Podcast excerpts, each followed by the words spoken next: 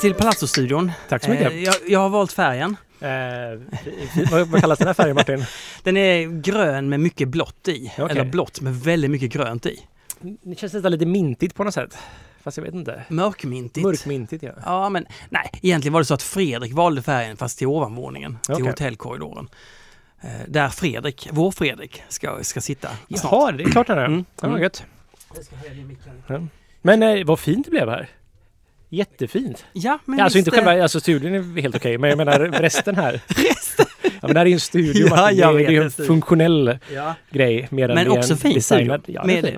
Jag du vet, studiosarna som byggs här intill, Ja. de bygger ju dem så det inte hörs någonting ut eller in. Okej. Så tänker inte jag. Jag vill kunna titta ut. Man kan höra lite Så motor. det är fler studios här bredvid? Ja, alltså inte i det här huset utan i det svarta huset som ligger här intill. Okej. Där är det fler studios. All right. Där sitter lite sådana house, house DJ-producenter. De vill inte ha utsikt. Nej, de vill ha helt mörka rum. Ja. De lever, de tror att de är på 90-talet fortfarande. Men jag är mer Peter, Peter Gabriel va? Jag vill ha Mm. ljus. Men tror du det påverkar musiken? Blir det mörkare musik om det är mörkare runt omkring? Eller vill de för, förgylla tillvaron med lite så här gladare musik då? Det borde kunna påverka tycker jag, men jag vet inte. När man är inne i musiken så, ja, det är klart. Jag tänkte om du sitter här och tittar ut på den här Ja. jättefina utsikten som finns här. Ja. Så kanske du känner att du vill göra något mörkt istället.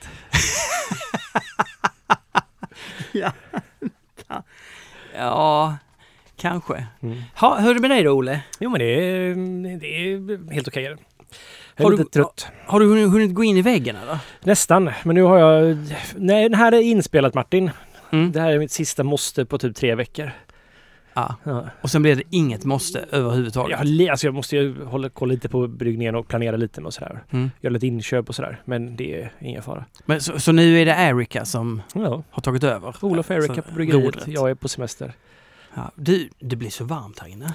Det är faktiskt Alltså, det nästan lite olidligt faktiskt. Ja, vi, vi, vi kommer att försöka behöva, vi, man kommer att behöva höra älven och förbipasserande båtar, så är det. Tror jag. Det här kommer inte funka. Nej. Nej. Nej, det här kommer inte funka Martin. Det känner jag redan nu. Du, vad tycker du, vad tycker du eh, definierar den perfekta pilsnern? Alltså för mig, jag har ju två spår med pilsner som jag Ja. tycker är intressant liksom. Men båda är ju att de, är, att de har beska i sig.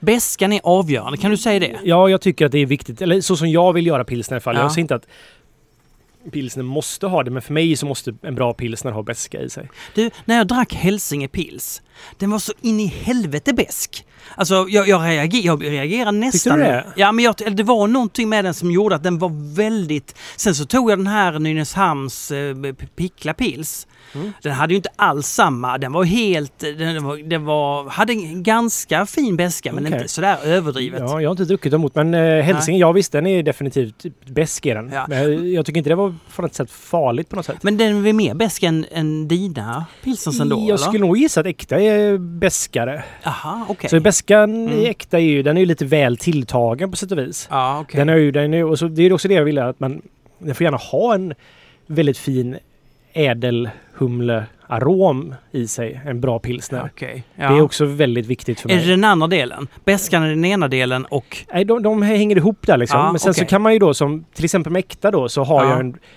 Alltså det är ju pilsnermalt bara. Och jag vill Ja. bara ha liksom den här så att pilsnermalten finns där som en transport för beska egentligen. Det ska vara Mm. bara så här...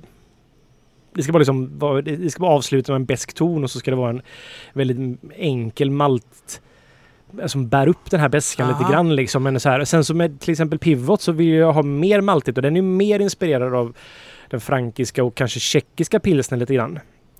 Att man har en mycket mer malt Malttonen, ja, Ja, okej. malttonen ska finnas i. Så där har jag Vienna-malt och sådär i. Och medan medan den tjeckiska pilsnen har ju mycket mer malt i sig och gärna en lite mer restsötma i sig liksom.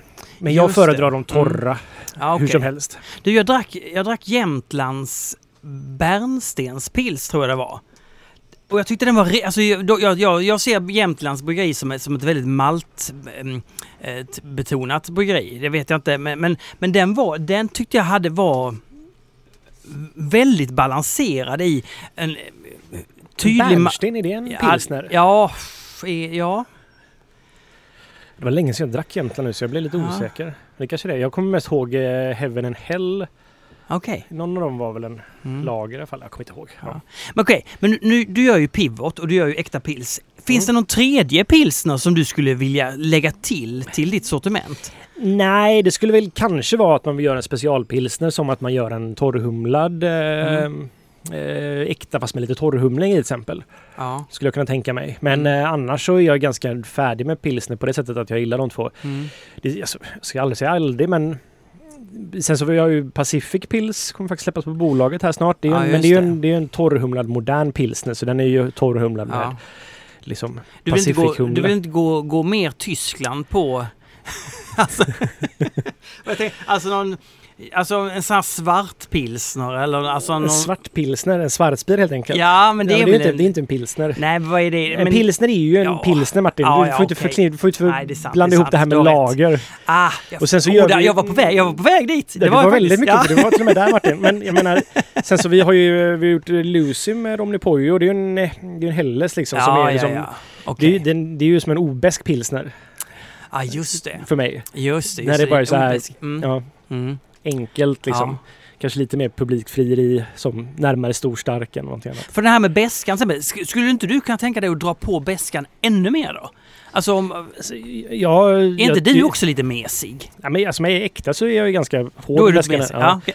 Och den är ju lite mer kanske gjord efter eh, gever liksom. Äkta faktiskt Ja. egentligen. Jever, ja. Alltså att Mm. den är ganska, att den har ganska mycket alltså, aromatisk humle i sig och ganska vass beska liksom sådär. Ja. Så att den inte är helt... Jag skulle kunna tänka mig att göra mer, göra, för Jever är ju mer nordtysk och göra en ännu mer sydtysk pilsner. Så man kanske gör lite mer delikat då helt enkelt. Vad, vad, vad, vad betecknar den då? Vadå delikat? Alltså, Ja men då skulle jag nog kanske dra ner beskan lite grann och Aha, göra aha. den... Jag vet inte riktigt. alltså en Bambergpilsner, är det det du Nej, pratar om? men men ännu längre söderut egentligen. Ännu längre Ja, söderut. precis. Mer alpisk pilsner. En alpisk pilsner! Ja. Nej men, ehm, nej men alltså med äkta och pivot så tycker jag jag får ganska, det är roligt att få göra de två för att jag får göra två tagningar på pilsner liksom. Så äkta har ju eh, tättnanger i sig framförallt. Mm. Och så eh, medans pivot är ju bara gjord med sas då som är tjeckisk ädelhumle. Så den är ju lite mer för mig, den är inte en tjeckisk pilsner på något sätt men den drar mer åt det hållet Mm. i alla fall med maltigheten sådär. Sen hade jag vill gärna velat göra en Vienna. Faktiskt. Vad är det då? En Vienna-stil. Det är ju liksom en eh, lite maltigare pilsner. Typ, ja, jag skulle säga att Brooklyn Lager är i grund och botten en Vienna. Eh, med då amerikansk Cascade-humle i antar jag att det är. Eller det är amerikansk humle i alla fall på något sätt som gör att den blir ganska modern på det sättet. Men grunden i den är att den är en Vienna-style. Och samma sak med eh, Boston Lager. Det är också en Vienna. Mm. Så det är en det skulle jag väl tänka mig göra. Men det är inte riktigt en pilsner, det är en Vienna. Nej. Du, nu när vi pratar om så här många olika sorter och sådär, så var jag inne på ett systembolag. Jag hittade ju nästan ingenting som var intressant. I pilsnerväg alltså. Jo, det var Pickna, Pi- Pickla Pils i och för sig. Ja, nej det, Det var väl det har den blivit bara? bättre men jag kommer ihåg det var ju det var ju en det fanns inte bra pilsner på Systembolaget för några år sedan. Det var ju hemskt. Ja. Det var att man kunde få tag i Nynäshamns öl, typ landsortslager. Mm. Men annars så, ja. Nej, det är, det är fortfarande inte bra men det har blivit bättre i alla fall.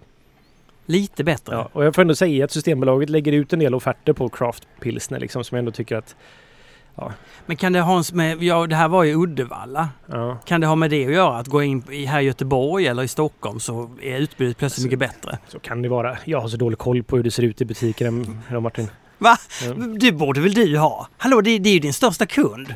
Det är det med, med stor marginal.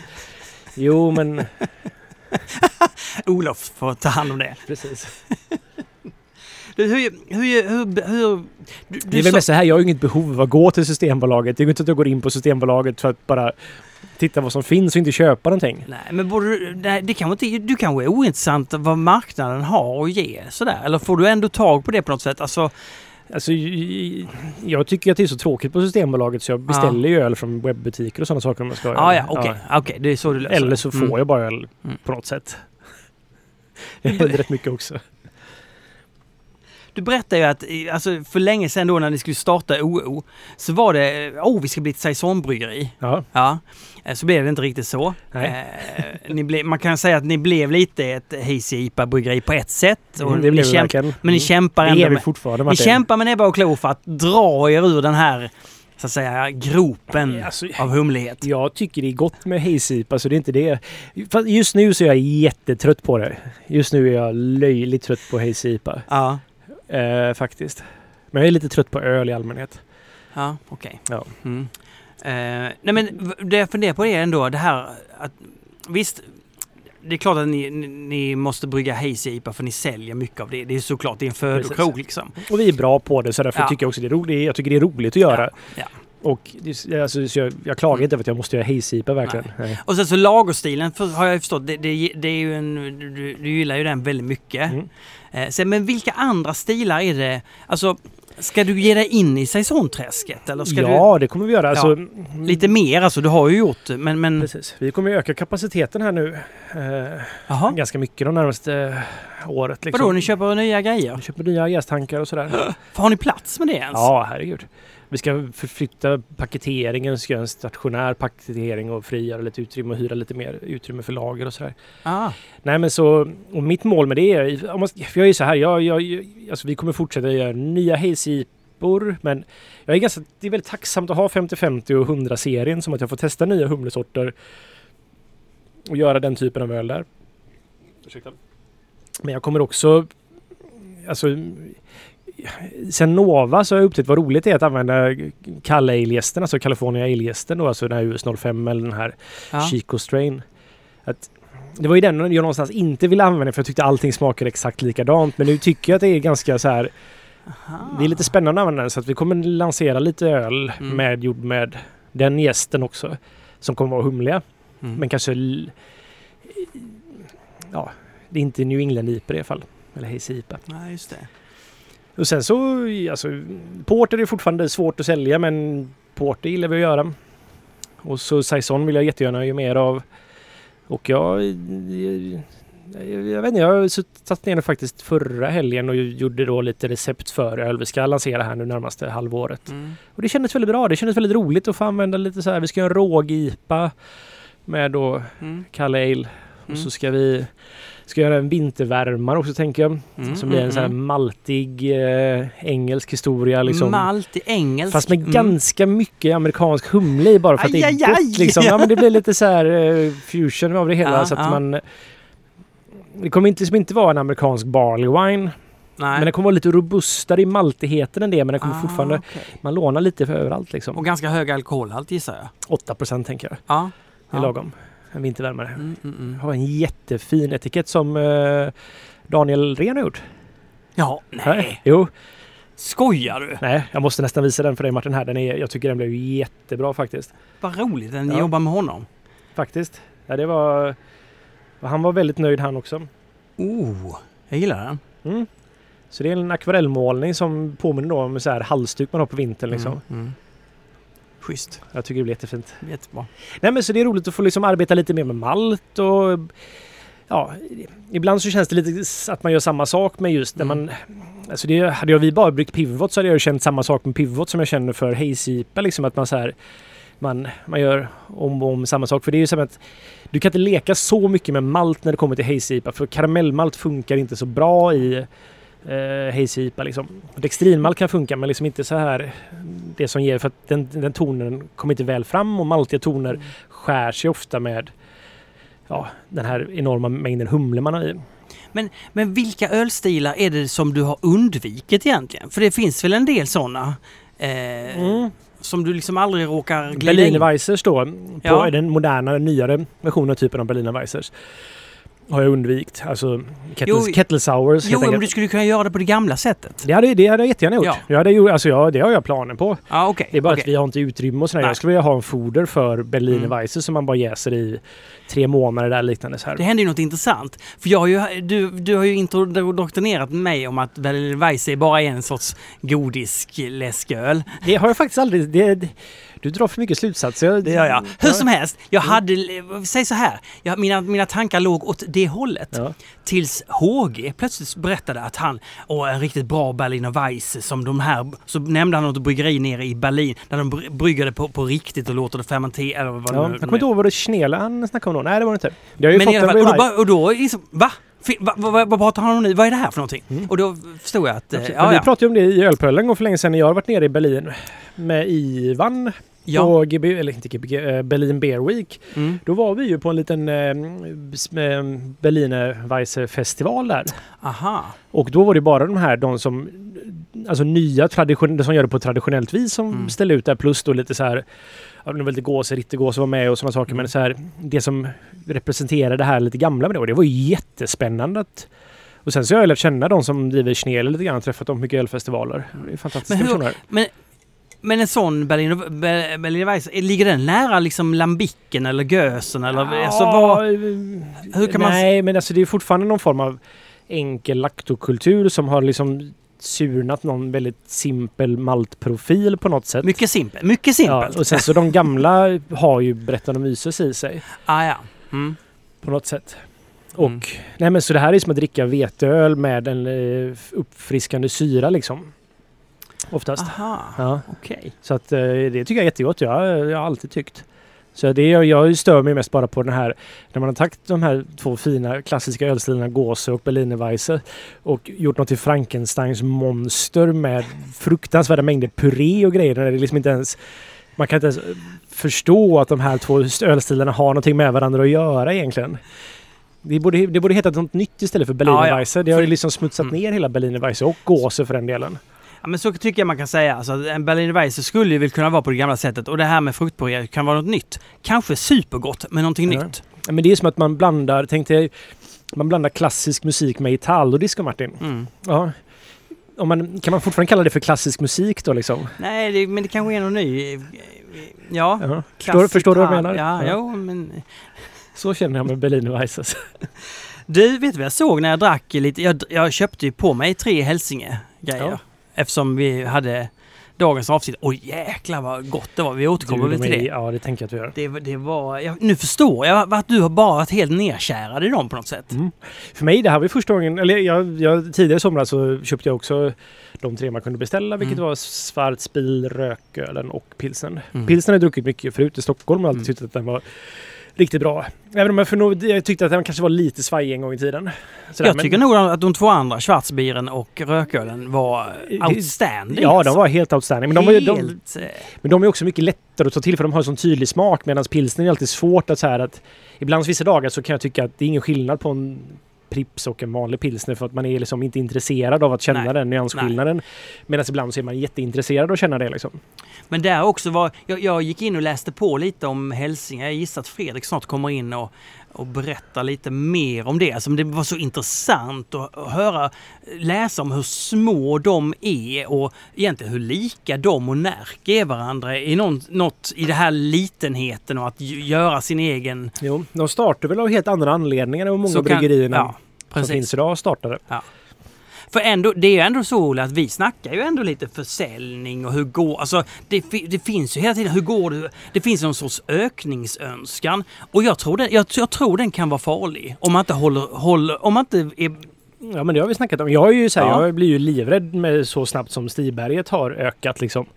För att jag är så rädd att man skulle tappa kontrollen över allting. Och det har väl Stiberget gjort lite till och från sådär men de har aldrig kantrat helt och hållet på något sätt liksom. Du med att de förlorar sin, eh, inte värdighet, men sitt varumärke egentligen. Alltså det, det de står för, det här... Ja, men, okej, men det, det tycker inte jag Stiberget tappat. Men jag tänker mest bara rent kvalitetsmässigt. Att Ja, jag ja. är rädd att man Mm. kvalitetsmässigt tappar när man ökar så snabbt. Liksom. Det är ju, en, Mm. det är ju jätteimponerande att Stiberget har dubblat sin omsättning typ varje år i stort sett. Och ändå lyckas göra riktigt bra öl. Mm. Ja, ehm, precis ja. Sen så kan man såklart trampa lite snett ibland. Det har kanske hänt. Hoppsa, hoppsan! Men jag menar mest i stora hela liksom. Du vet jag tänkte på när jag, när jag nu läste på Hälsinges eh, flaskor. Hälsinge ångbryggeri Mm. och Nynäshamns ångbryggeri. Ja. Jag bara tänkte, alltså det här är den löjligaste storytelling. Vadå, Å- ånga använder bara, ah, kan- Hälsinge eldbryggeri eller, eller var- varför inte, varför inte eh, OO Brewing elbryggeri? Varför, var, var, var, Electric Brewer. alltså det måste ju vara, det- alltså Finns ju Electric Nurse. Ja. Sant, sant. Hade man, man hade inte satt den här, kan det vara så här? Man hade inte satt, man hade inte satt ångbryggeri idag. För idag hade det blivit lite spekulativt. Men när man gjorde det 2003 eller 2005 eller så, sådär. Ja. Då var det en annan... Alltså det finns ju alltid olika buzzwords i alla olika tider liksom. Det Ja, men, väl... det blir lite löj... Du vill, du vill också ett ångbryggeri? Ja... Alltså, Du använder vi- ånga? Vi använder ånga Ja, liksom. ja. Ni är ett ångbryggeri? Nej men jag tror mest att det lät genuint så man hade det för att det var beskrivande. Det lät lite industriellt men ändå så här romantiskt. Så Kan det, man, då, då när de här br- bryggerierna, det kanske inte fanns så väldigt många, det fanns ju inte så många eh, hantverksbryggerier då. Mm. Och då, då ville man differentiera sig mot de stora drakarna så att säga. Jag tror det är det. Och då, Mm. ja, ja, ska vi, ja, ja, du förlåter dem eller? Ja herregud, jag tycker det är lite charmigt. Ja, men jag gillar ju när man kan se på ett namn och typ så här tack vare namnet lite Ja. avgöra vilken tidsepok det startades liksom som OO Brewing till exempel. Mm. Stockholm Brewing. Mm. Det, här, det är ju liksom 2010, Ah. 2015 liksom. De ja, som har det. ja, Ja. ja. Så det kan vi också säga. Vi funderade på om vi skulle kalla oss eh, Brewery nu istället när vi faktiskt startade bryggeri. Och vi var väl inte så jätte... Eller så här, för vi tyckte brewing, det var så alla hade det. Ja. Men sen så någonstans så inser man att fast det är ju då vi startade och då Ja. blev det så. ja, ja, visst, Ja. det kan få hänga Och i med. USA var det också så mycket brewing company och sådär liksom. Mm. Och det var väl också lite för att man kanske inte var ett riktigt bryggeri ganska ofta. Då vill man inte kalla sig själv för brewery för då var det falskt ändå. Mm. Och det var ju så vi tänkte när vi startade OO. Mm. Och vi kallade det för OO Brewing. För vi hade ju inte ett bryggeri. Vi var ju kontraktsbryggeri. Just det. Ja, så då, är det ju, då blir det brewing. Och det kanske var så många då startade den här tidsepoken att man var kontraktsbryggerier. Och det är fint att det finns den här liksom tids... Ja, man kan avgöra vilken tid det här bryggeriet startade på grund av namnet. Ja, det är sant. Och då ångbryggeri skulle jag säga är då början på 2000-talet, slutet på 90-talet kanske. Någonstans där. Vad tror du förresten om folköl? Vad tror du? Alltså, när jag tänker på att vi hade ju det här coronagrejen Mm. going on och då alla bryggerier bara Way, vi kan sälja från lastbrygga eller vi kan sälja själva och till Vi- butiker. Vi, Vi, vi, ingen kan, lastbrygga. vi, vi, kan, vi, kan, vi, kan, vi kan utöka vår marknad för vi kan gå även via eh, butik, ja, livsmedelsbutiker och så vidare. Alltså, Jag har ju haft helt fel med folköl. Inser jag. Jag, jag, jag har lite så här skitit i folköl och jag, det, var, det var fel av mig. var det det? Ja, det var det. Eller jag trodde inte att folköl skulle bli en grej på det sättet. Jag stör mig på folköl. Jag hade ju önskat att man hade den gränsen kanske vid 4, 4,5 istället. Mm. För då hade man kunnat göra så mycket roligare grejer faktiskt. Så. Det, det, det irriterar mig och därför kände jag lite också att jag kanske inte vill göra folköl för att jag känner mig så jävla... Det är som att så här, någon kommer och säger så här ska du göra. Och då blir jag väldigt anti det här liksom. Så då känner jag nej det tänker jag fan inte göra. Nej, nej. Så att, men sen så trodde jag inte riktigt att det skulle bli så intressant hos många. Att folk, det skulle bli en hype på det sättet liksom. Att faktiskt folk... nej men, men tror du inte att den hypen är över då? Det tror jag inte. Jag tror den kommer bli större. Va? Nu kanske jag har fel igen. Men jag tror folköl är här för att stanna faktiskt. Och att det är ju en trend mot lägre alk... Alltså, Och då pratar vi alltså folköl bland eh, hantverksbryggerier. mm. Det är ju det. Det Precis. Men jag kan även tycka att jag, bara folk som jag umgås med som är inte så intresserade av öl, att de pratar mer och mer om folköl och 2,8 och 3,5 eller hur de... Vilken är din favorit? Och liksom Mm. det dricks mer för att folk... Jag vet inte, det kanske också är för att jag umgås med folk som börjar bli lite äldre och kanske börjar tröttna på att vara... att dynga ner sig hela tiden varje helg. Utan de tycker det är fortfarande gott med öl men de vill hitta någonting som ehm, är öl. Som man kan dricka utan att bli jättepackad hela tiden. Ja. Och det tror jag ändå är någonstans ligger i samhället att man faktiskt... Ölförsäljningen går ju inte upp egentligen. Den går ju ner.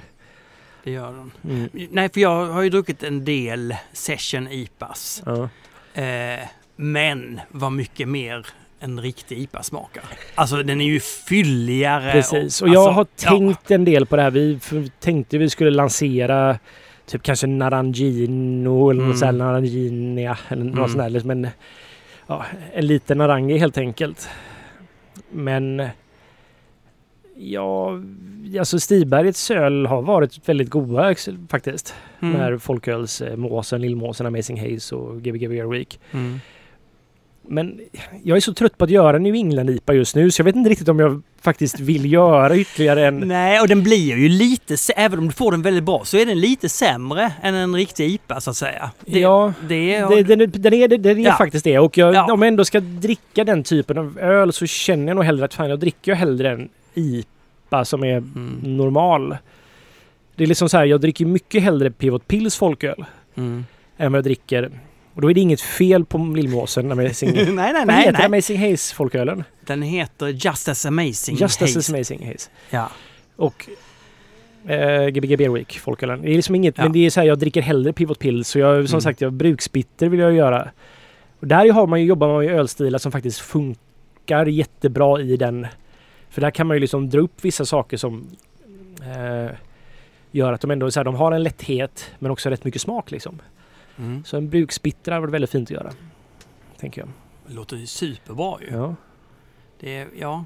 Nej men för jag, nej, men jag, jag, jag drack väl, väl, väl lite... eh, Även Berlinerweisses eh, Ja, kan man säg- ju faktiskt ja. göra 3-5 tror jag är väldigt bra. Säg det, säg det. Ja. Mm. Så, ja, precis. Nej men precis, man, man kan ju faktiskt tröttna. Jag, så här, sju, om man dricker så här sju dagar i rad Hayes-IPA, då kan man tröttna på det. Men det räcker med en lageröl och sen vill man tillbaka. Återställaren liksom. Ja. ja. Nej, men jag, just nu så är jag faktiskt otroligt trött på Hazy IPA. Ja. Jag tror aldrig varit så här trött på Hazy IPA. Men det, märks, det blir också som att jag blir ganska ointresserad när jag dricker det på ett sätt. För att det är som att allting bara blir samma sak liksom. Ja. Det är så gästdominerat och på sätt och så... Vi försöker såklart göra skillnad på våra, som så här, Narangi smakar på ett sätt. Och att man har liksom en, en tydlighet i ölen. Men det är fortfarande ganska svårt. Nu tar Martin bilder här så vilket alltid är jätteobekvämt. Nej men det är väldigt obekvämt. Vi i studion, det, blir, alltså, det är otroligt snyggt här. Mm. Okej, Var lite snygg nu då Olle. Jobba med mig. Det är på mig kepsen. Okej. Ja. Mm. Okej, nej det blir inte bra. Nej. Ja, det, vad, vad pratar du om? Jag vet inte.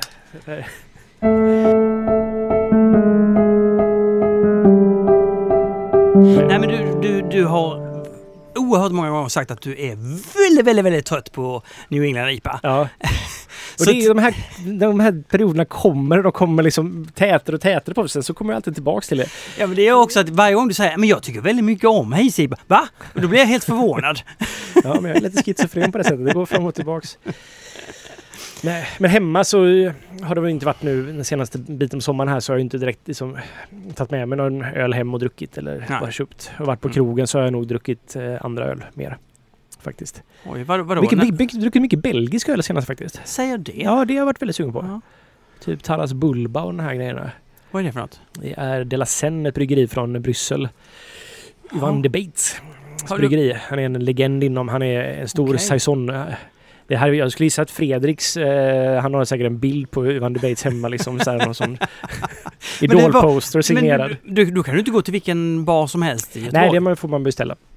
Jaha, då Ja. får man, ja, ja, man kan inte gå Precis. ut och dricka den? Nej, det finns inte så mycket att beställa. Men det är Nej. liksom, de- De La Seine är ju liksom floden i, eh, Seinefloden i Bryssel. Mm. Så att eh, de har döpt sig där och de gör jättebra öl och Taras Bulba är ju en så här, det är en ikonisk öl trots att den är ny. Eller relativt Åh. ny. Mm. Men den är bara så extremt lättdrucken. Mm. Helt enkelt. Och jag vet inte, det skulle vara lite roligt att göra lite mer belgisk öl faktiskt. Känner jag.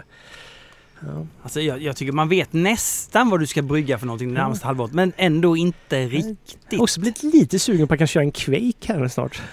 Kvik! Ja. Oj, oj, oj. Ja, det blir spännande. Ja. Men kan du, inte- kan du inte göra det med AKT då? Kan du inte jobba med dem? Nej, då vill jag Nej. hellre göra en egen. Du vill göra det själv? Ja, men Ja. jag vill inte... Ibland så... De har gjort sin grej med de, de får vara det. Jag vill inte liksom komma in och typ så här glida på deras varumärke.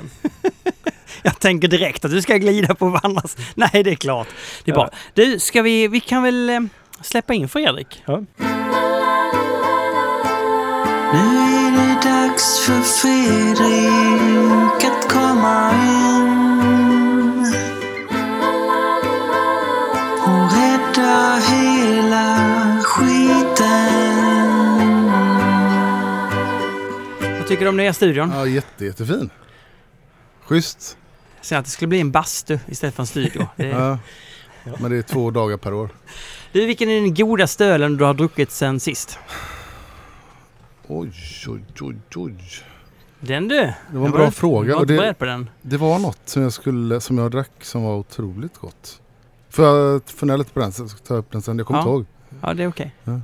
Gött. Jag har druckit mycket Taras Bulba och XX Bitter. Vad får du tag på Terras Bulver? Vi, vi, vi köpte faktiskt från vår danska importör som heter Belgiska hus i Danmark. Ja. De har en webbutik som heter Köl eller något liknande. Cool. Cool! Alltså Ja, men, sjukdomen cool.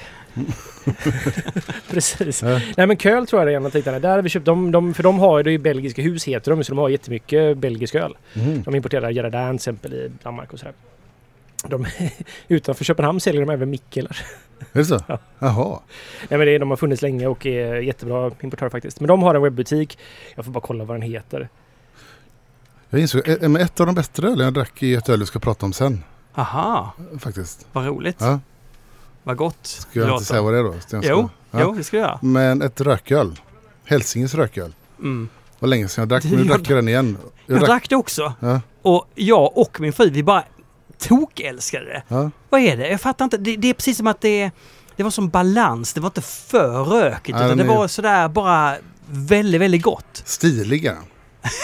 I sin rökighet. Stilig! Ja, men alltså, jag, Ja, men medan Schlenkela elegant, är... elegant. Ja men den är elegant på riktigt. Alltså Schlenkela är ju en smäll på käften och, Mm. och det här Ja. är ju som en smekning. Liksom. På ett bra sätt. Ja, det är alltså det här. Ni, ni, ni hyllade ju Hälsingen så otroligt så jag tyckte det blev lite pinsamt egentligen. Mm. ja, men, men jag, nu när jag drack Hälsingen så bara oj vad bra det här var. Ja, Det, det är nästan... ja den är grym. Eh, Så det är bara säga vad jag köpte ölen. ja. Coolbeer.com Alltså K-O-L-beer.com Men det ska vara köl. Coolbeer.com. De Ja. har den. Grymt. Ja. För den har jag inte ens hittat i så här belgiska webbshoppar. Liksom. Okej, okay. vi köpte en hel del där. Ja, bra. Men de är väldigt bra på belgisk öl just. Mm. Så vi gjorde en sån jättebeställning till OO för att vi lite research and development. Mm. Så XX Bitter och Taras Bulber har jag druckit jättemycket okej. Fantastiskt Alltså, gott. Bulb. Det låter Ja. som från Star Wars. Men det låter som en karaktär i Star Wars. Ja, det är. Taras Wahlberg och så, så den här bal, bal, bull, Bulberg. Ja, okej. Boba Fett. Boba Fett. Jabba the Hutt. Nej. Eh, Fredrik, du har ju med dig någon in i studion. Det är ju ändå hör till ovanligheterna. Hur, Ja. hur har du tänkt då? Jag tog med mig Ronny från Bear News. Trevligt. Ja. Välkommen Ronny. Eh, Tack så mycket. Bear News. Hur kom du på idén att eh, starta Bear News? Jag tröttnade på att pendla till mitt gamla jobb i Jönköping. Och sen eh, fick man fundera på vad man eh, hållit på med i livet. Och det har varit ganska mycket öl och ganska mycket journalistik. Så då blev det Beer News, kort sagt. Ah. Och hur länge har eh, Bear News funnits? Vi startade i september 2016. Så Ah, snart ja, ja. fyra år då. Ah, okej. Och, och, och sen du har startat det, vad har liksom din intention varit? Alltså vad, vad vill du med Bear News? Förutom att ha ett jobb, så att säga. Vad, alltså om du har... Den lilla detaljen. Nej, men vi ville väl skapa någonting som vi inte tyckte fanns då. Det vill säga en, en eh, nyhetssajt där vi egentligen inte tycker så mycket själva utan mer beskriver liksom vad som händer. Ja. Sen tror jag vi började i en ganska bra tid där när det verkligen började explodera med nya bryggerier och intresset började kanske bli mer än bara nördar som verkligen intresserade sig för öl. Så det blev nog ganska bra timing med tiden där.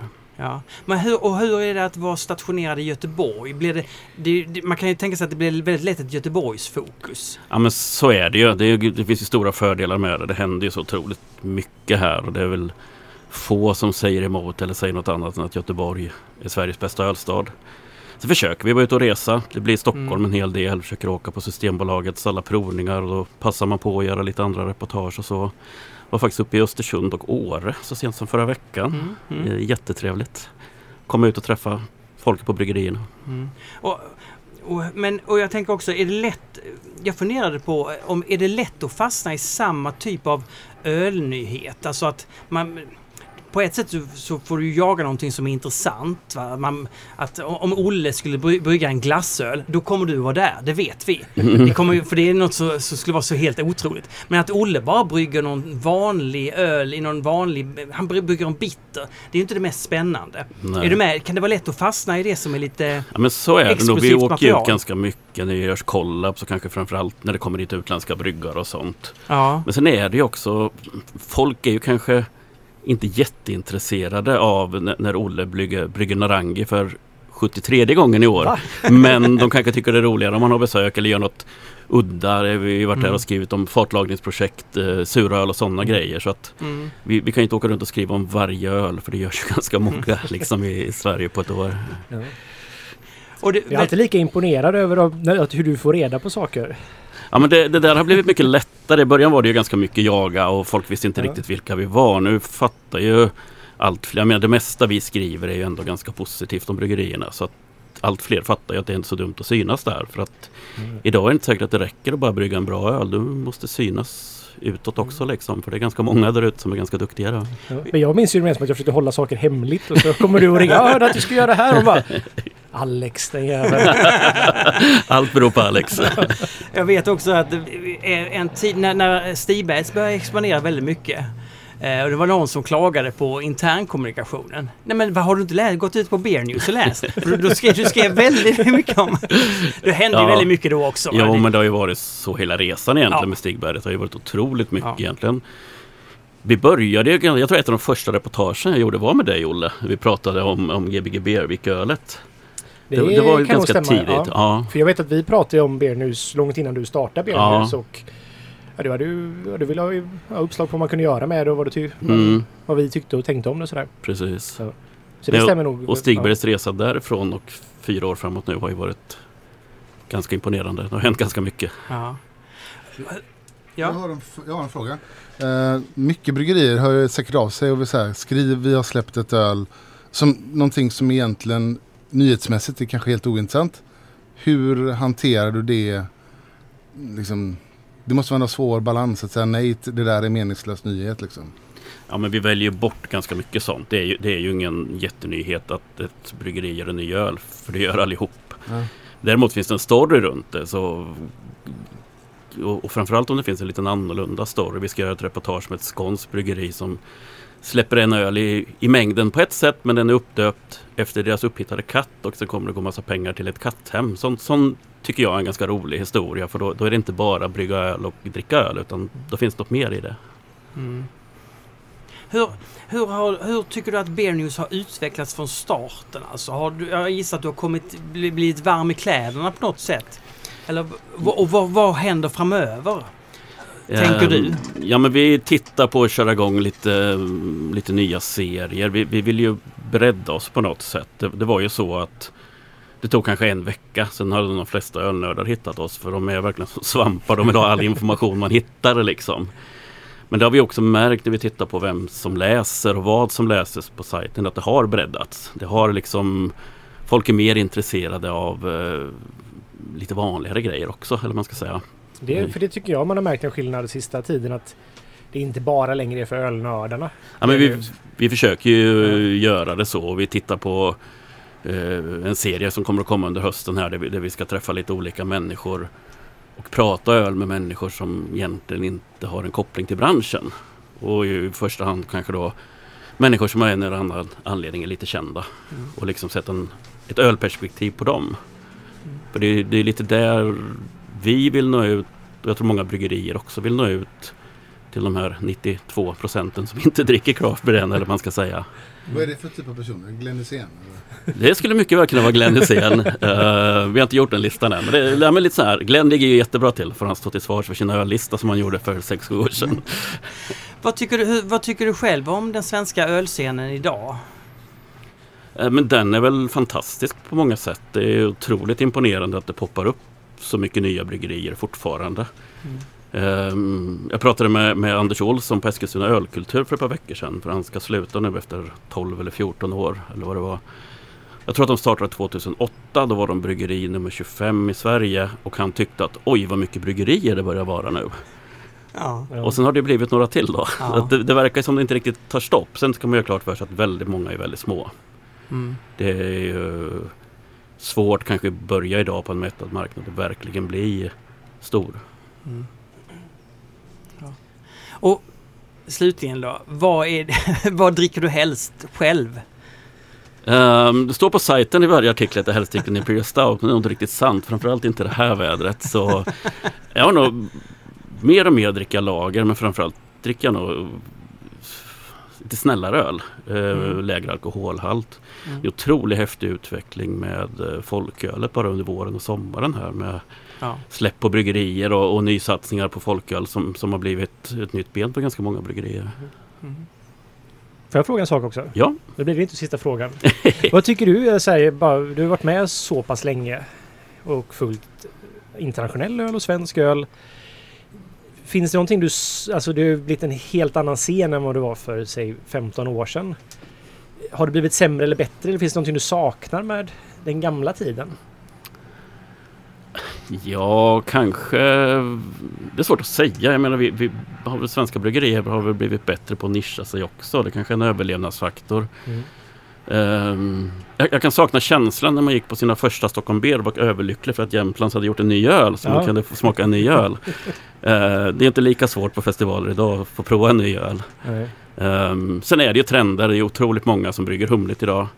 Många som gör det bra och det finns ju en anledning till det. För att det är ju det folk dricker. En, en IPA har ju nästan blivit en stor stark i allt bredare kretsar. Mm. Folk går in på en bar och beställer en IPA och så är man safe. Liksom. Då är man lite hipp. Mm. Men Ronny, du beskriver någonting väldigt intressant. Det är att idag så kan man inte längta efter någonting. Allting bara finns att få. Då, Mm. det, då kunde man få en stark upplevelse för att det inte fanns så mycket. Mm. Det är det du vill tillbaka till, Olle. Man ska kunna... Ja, men det, det är väl Men jag så. håller med. Jag saknar faktiskt den känslan om att man kunde vara jättetaggad och att det hade kommit en ny öl. Ja. Och idag finns det ingenting som jag bara nej, har det kommit en ny? Ja, men det är väl någonstans, man, man springer väl kanske i en cirkel där och har man hållit på öl, med öl ganska länge, men de har snart sprungit runt. Är man kanske Ja. tillbaka och blir lite finsmakare på lagerhållet eller lite sånt här efter att ha gjort hela resan runt. Mm. Ska man ha respekt för att många är ute och springer det här första varvet och, och måste givetvis få göra det. Såklart. Tack för att du kom hit. Det var väldigt trevligt. Tack Ja. själva. Jag eh, har inte gjort låten klar. Mm. Va? Men jag har hela idén klar. Och det är ju den jag har snackat om tidigare. Jag tänkte bara, jag, jag läser lite text. Ja, men det, det, den är, det, är ju, det var väldigt roligt förra gången Fredrik. När jag sa bara, jag, jag, jag är bara inne på rytm, rytm. Och så säger du, det var en väldigt fin melodi. Men melodin var grym.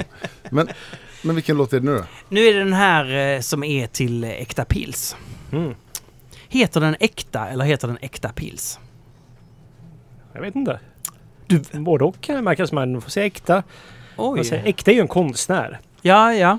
Så att det stavas med E. Ja. För att det är, han gjorde motivet och så tyckte jag att det var som att så här. Det, jag vill göra en äkta pils. Jaha, jag trodde det bara var en ett referens till att det var en äkta pils men stavat på ett roligt Nej, sätt. nej, utan det var att vi skulle, han skulle göra ett motiv Okej. till en öl. Han är ju jätteduktig konstnär. Alltså Ja. en av mina favoritkonstnärer i Göteborg faktiskt. Ja. Han är jätte- supertrevlig också. Men han... Så han skulle göra en... Och då blev det som att så här... Ja men en pilsner tror jag skulle funka bra. Så att han gjorde ett motiv och så tänkte jag men då kan vi döpa den till äkta pils efter Mhm. att han har gjort den också. Det var aldrig riktigt tänkt att äkta skulle kanske bli en så stationär öl hos oss liksom egentligen från början. Utan det var kanske mer att den skulle bara göras någon gång som en specialare liksom. Mhm. Men jag gillar den för mycket så att den är kvar. Ja, ta inte bort den. Nej, det ska jag inte göra. För fan. Nej, men jag fick en idé om någonting. Och, och det, jag fick den här idén om Bamberg och sådär. Alltså vi drog ner till Bamberg för att hitta något äkta, hitta någon mening med det här. Vi drog ner till Bamberg. Men allt var bara hantverk. Alltså, du sa den sist ja, också. just det. Just det. Det är en Alltså, konstig avslut. Men allt var bara hantverk. Så så här, åh vad tråkigt. nej, men jag fick den här idén om att, nej men alltså jag, jag tänkte så här, nej men det, det som Henok gör och det som morgondagens Jonas gör, det är konst. För att konst för mig handlar väldigt mycket om, nej men, nej men att, att beröra, att väcka en, en, men vad fan är det här? Vad är det här? Att man, man, man ifrågasätter någonting och gör någonting annat. Och då, och då och då tänkte jag så här, om jag är på jakt efter konstverk och konst som ska vara, då är, då är inte ölen nere i Bamberg någonting för mig. Eller det- så var det det eftersom det var helt, det chockade ju dig, eller hur? Ja, jo, så skulle, jo, så skulle man kunna... Nej, men det, så det är hela tanken liksom. Jag säger inte att det ena är rätt eller fel eller någonting liksom. Eh, men jag bara tyckte det var en intressant vinkel på det hela. Så Ja, därför har jag gjort den, ö- den, den öllåten. Mm. Så det, den, den slänger jag upp i Patreon-sidan. Därför får jag ju Så spela för äkta också då. Det tycker jag. ja, för det, det kan man ju säga. Den ölen är, är ju ett konstverk. Ja, precis. Eftersom Mm. På utsidan då, inte på insidan. Nej, då. nej, nej, nej. Där är det bara hantverk. Jag Ja. blev chockad när vi valde ölstilen till dagens avsnitt. Ja. Hur gick Alltså- det till? Jag kommer inte ihåg. Ehm, Folk hade... jag tror vi valde i ren panik för att Ja. vi hade inte bestämt någonting innan avsnittet. Ja. Och så var det väl att någon hade kanske sagt att de ville ha det. Ja, Och så, jo men det var nog för att jag hade druckit Hälsinge rököl tror jag.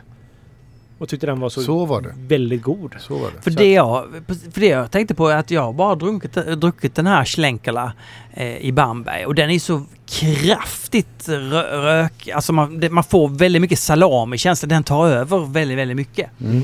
Eh, så därför tänkte jag, men vadå, kan det fi, finns det någonting annat än Schlenkala? Och det finns det ju verkligen. För jag har också druckit Hälsinge rököl. Mm. Sen är det lite kul att prata om så här, Schlenkerla och special eftersom vi var där. Såklart. lite, vi har nog inte gått igenom i detalj de besöken, eller gjorde vi det när vi pratade? Kom, vi hade ju det här specialavsnittet men jag kommer inte riktigt ihåg om, Mm. om Bambergresan. Jo, det, lite grann sa du. Du sa Ja. att han luktade gott, han, bryggan på, på Heller, kom ihåg. var det inte så? Om han luktade gott? Nej, jag vet bara hur han tittade på ölen med ett sånt oerhört begär. Ja, Och när han drack den så, så... Jag har aldrig sett sån njutning i någon person. ja, han var tidigare. stolt över sin egen Ja, öl. var Alltså. Ja, Det var fint att se. han njöt den i fulla drag. Det var precis som att han var fullblodig alkoholist, men... Och hade slutat dricka, har slutat dricka helt. Men han får ta en lite, lite smak när han har, går de här visningarna. Det är därför han gör det menar du? Ja, ja, ja, ja. Åh, vad han längtar. Ja men med en sån källare så hade man ju tagit tag i visningarna hela tiden, eller hur? Det var också en bild därifrån som jag såg dök upp på Facebook vid något Mm. tillfälle nu. Där Simon Svensson står och tittar upp i en. Ja, Den är så fin den bilden. på en- de enorma Ja lagertankarna där. precis, de här gigantiska tankarna på 50 000 liter. och- Ja, de var ju det. Ja. Helt otroligt. Ja, ja eh, rököl pratar vi om helt enkelt. Rökel pratar vi om. Ja. Mm. Eh, mm. Det är, ja. Vad- jag, vad- generellt, jag tycker inte rököl är sådär vansinnigt gott generellt sett. Du dricker det inte ofta? Nej liksom. det gör jag inte. Man stöter ju inte så ofta på det å andra sidan Nej. heller. Så jag, jag provar om jag vet att så här, ibland så kanske ölrepubliken har haft det på fat så har jag gått dit och sett till att jag har druckit det och sådär men Ja. det är ju mer som att jag tycker det är roligt som en kuriosa mer än att jag ser fram emot att få dricka rököl. På det Ja, sättet, jag fattar. Ja. Jag tycker om det. Jag tänkte på när vi berättade att vi skulle prata om rököl i, i Facebookgruppen som vi har så då, då började folk prata om öl som med, där de finns en rökt malt som ingrediens. Viss typ Mm. av öl. Det var inte bara rököl. Vilket var rätt bra för då insåg jag just det. Vi kanske inte bara ska prata Rauchbier, alltså den här traditionella lagerölet med, rök, med rökmalt. Utan det finns faktiskt massa öl där man använder rökmalt som en eh, liten ingrediens. Mm. Så jag tycker vi kan väl prata om både öl som har rökmalt som ingrediens och ölstilen Rauchbier. Det blir liksom lite både och tänkte jag. Precis. Att vi kan snacka om. För man ska ju nämna också att malt var ju ofta rökig för länge sedan. Ja men precis, exakt. Och, eh, och då tänker jag så här, men vad har ni för relation till, vad har du för relation till rököl innan vi åkte till Bamberg? Martin? Ingen, alls. Jag visste Nej. inte att det fanns. Nej. Jag, när vi kom ner och de sa att det är en rökel och att den... Jaha... eh, Alltså jag... jag, jag För du visste inte ens vad du skulle förvänta dig. Nej, och sen, ble, och sen så tyckte jag att den var ga, ganska eh, så superäcklig eftersom Ja. jag aldrig provat den Nej. tidigare. Och den är så kraftig åt, åt det här Mm. salamihållet. Eh, ursäkta, förlåt. Mm, mm. Säger på det ja men sättet, det smakar ju lite Ja. salami absolut. Ja, så... Det smakar jättemycket salami tycker Ja jag. det smakar Det är korv. nästan som en sälta i det liksom. Alltså jag blir ju inte sugen på det, att prova det igen. Okej, ja. Nej. V- Ja, Drack, jag, jag hade ju, samma gång, första gången jag drack, Schlenkala var ju det första jag drack ja. som var rökigt. Nej, det, det var det faktiskt inte alls det. Nej, Nögneö gjorde en barley wine för länge sedan. Okej, Men det var med så här torvrökt malt. Okej. Det var inte alls gott. Herre jävlar. Du- Det, det var nog det första rökiga jag drack. Sen så när jag drack Schlenkala så var det så här. Nej, Torvrökt öl har ju ganska många man druckit som inte är så goda faktiskt. nej jag har aldrig riktigt Det funkar känt riktigt. att det är... eh, När du sa Nögne, bara parentes, jag såg det, kom upp på Facebook, det finns en... Det var Nögne och Närke tillsammans. Jaha, okej. Ja, Men grundaren till Nögne, en av grundarna, ja. har- som har lämnat. Häck, eh, hur vet han? eh, Jag minns inte hans namn. Han har skrivit en... Sten... Han... Oh, skitsamma. Ja, men han, han, har lagt, gett, har du- han har gett ut någon sån här berätta, hans syn på tiden på Nögne och, Nögne Mm. och vad som hände och sådär. Ganska intressant, jag vet inte om du har sett den? Nej, det har jag inte gjort. Det- Han är ju en väldigt... Eh, han är en karaktär i alla fall. Ja, verkligen. Och Ja. han har mycket åsikter så här. Mycket, mycket åsikter. Där han säger vad han tycker verkligen om vad som har hänt med Nögne. Som köptes av Hansa tror jag. Ja. Det är någon som har Ringnes, eller? Eh, nej, är det det? Ringnes. Eller är det Ringnes och In- Hansa som är de två stora? Ja, det, jag är dålig på vad Hansa är. Vad Hansa, vem som äger Hansa i sin tur, det vet jag faktiskt inte. Ja. Ett av de stora i Norge i alla fall. Ja, parentes. Eh, nej men rök, rök är ju en svår smak och doft och så här som eh, är jättesvårt för många att gilla i första, första gången man testar det liksom. Och det kanske är därför som rök, om man pratar om traditionell rök, rauchbier, den stilen av öl har ju inte riktigt, måste man säga, anammats av amerikanska bryggerier på samma sätt som de har anammat andra typ av europeiska ölstilar. Den har ändå hamnat lite på, på, i skymundan liksom. Man förstår lite varför. Mm. Det är inte så konstigt egentligen. Rök är en rätt speciell karaktär. Eh, samtidigt som jag tror att när man ger sig in i rököl och provar, just Schlenkela är ett ganska extremt exempel för den är så mycket. Som du säger, den är verkligen korv. Jag tycker ganska ofta att den är lite för mycket om man jämför med typ special något sånt. Så jag tycker det är mer subtil. Mm. Men när man väl liksom accepterar röksmaken och man sitter och dricker. Jag tänkte på när vi satt på special den kvällen och och då var, jag vet inte om du, du var inte du med. Jag tänkte på det efter ett par öl så, känn, så tänker man nästan inte Nej, på man röken. av den faktiskt. Det är sant. Den, den, liksom, den blir en del av, en del av dig. Nej men du tänk, på samma sätt när du dricker en syröl, då tycker jag i sig hela tiden du påminns om att det här är väldigt syrligt. Men en Ja. rököl så kan den röka då men eh, till slut så bara finns den inte riktigt. Nej, den smälter in liksom i Ja. bakgrunden och... Eh, Ja, så att eh, det finns inte så många ställen man kan dricka rököl på i Sverige om man tänker fat. Det är ju som Franciscaner har ju i, i Stockholm. Mm. Har mycket, eller har både Ja. Schlenkel och special ganska jag, ofta. jag kan säga, jag började ju gilla rököl väldigt, väldigt mycket sen. Ja. Men det var ju Jaha. tack vare, inte Schlenkala, men ehm, Alaskan Smoked Porter. Mm. Bra, den kommer vi prata om sen. För det är ju så här banbrytande öl som var det som gjorde att många, eller de amerikanska bryggerier som började göra rököl blev väldigt inspirerade. Det är ett fantastiskt öl, Ja, jag älskar det. Jag, jag kommer tänka på, för jag såg att du faktiskt frågade en grupp om den. Här, ja. Och så kom jag att tänka på den och så bara, just det, den här drack jag ju jättemycket av. Ja. Vilket Verkligen. otroligt öl det var. Ja, det var det. Men så jag tänkte så här, vänta du, hur länge fanns den på bolaget egentligen? Inte länge Det var jag. inte länge. Nej. För det var nog att jag köpte på mig så jävla många flaskor Ja. den tror jag. Den kan ha funnits vid två perioder, jag är osäker. Så jag köpte också på många och det var en årgångsöl som man kunde spara ett tag faktiskt. Ja. Nej, för jag kommer ihåg att jag drack mycket av den och att jag plockade fram den ganska så här att nu ska jag dricka en Alaskan Smoked Porter. Men det var nog kanske att jag, inte att den fanns på bolaget konstant utan att det var, jag kommer ihåg att jag köpte en låda vid ett tillfälle nämligen. Ja, just Som det. jag kanske faktiskt hade ett tag. Ja. Ja. Ja, Ja. så att, eh, och sen har vi ju så här, finns ju svensk, alltså Gotlandsdricka, vi pratade om lite grann tidigare.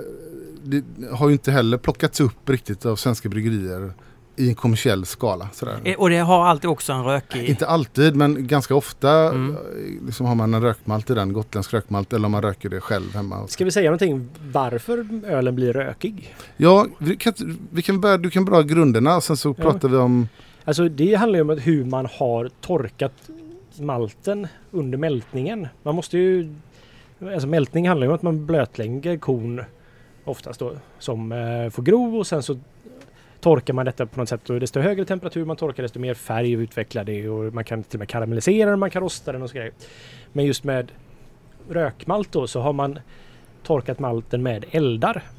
Som om man låter röken få vara kvar bland malten så att röken sätter sig i malten och det hänger då med in i ölen sen när man brygger med den malten. Och man får väl gissa att det var väldigt, väldigt mycket vanligare var Ja, med rökmalt förr i tiden för att det var ju en revolution med mältningen när man kunde liksom med, eh, inte sekundärvärme, vad heter det? När man kunde blåsa värme från koksen och liknande. över- varmluftsköl, köl, Ja precis, att man liksom kunde liksom, det var indirekt värme, det var inte värme Kontakt som man, med rök, liksom. precis. Och man kunde då liksom separera röken mycket lättare från värmen Ja. som skulle torka malten och sådär. Precis, och där, bra ingång för att när man läser så ölböcker, en del, eller ganska mycket ölböcker, så står det ofta, man hör ofta så här, men förr i tiden så var all öl alltid mörk och alltid rökig. Det, det, det stämmer ju inte riktigt, men mycket öl var nog rökig som du Mm. säger. Men det har ju kommit så här, de som har forskat i det här, eh, ölhistoriker har hittat, det finns ju belägg för så här soltorkad malt. Det höll man ju på, på med även ganska, norr, ganska långt norrut i Europa när vi hade de dagarna det var bra väder så torkar man helt malt i, solen och då får den ju varken färg eller rök. Så att, Så även förr i tiden så var det kontroversiellt med röken enkelt.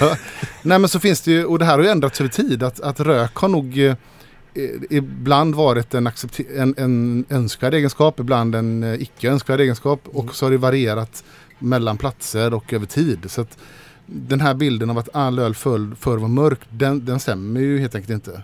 Eh, och så det, den, det har man fått revidera lite grann för det finns även sådana här belägg för i Norge på gårdarna där man torkade malten även i, på liksom, lufttorkade på vindar utan eh, rök och sådär.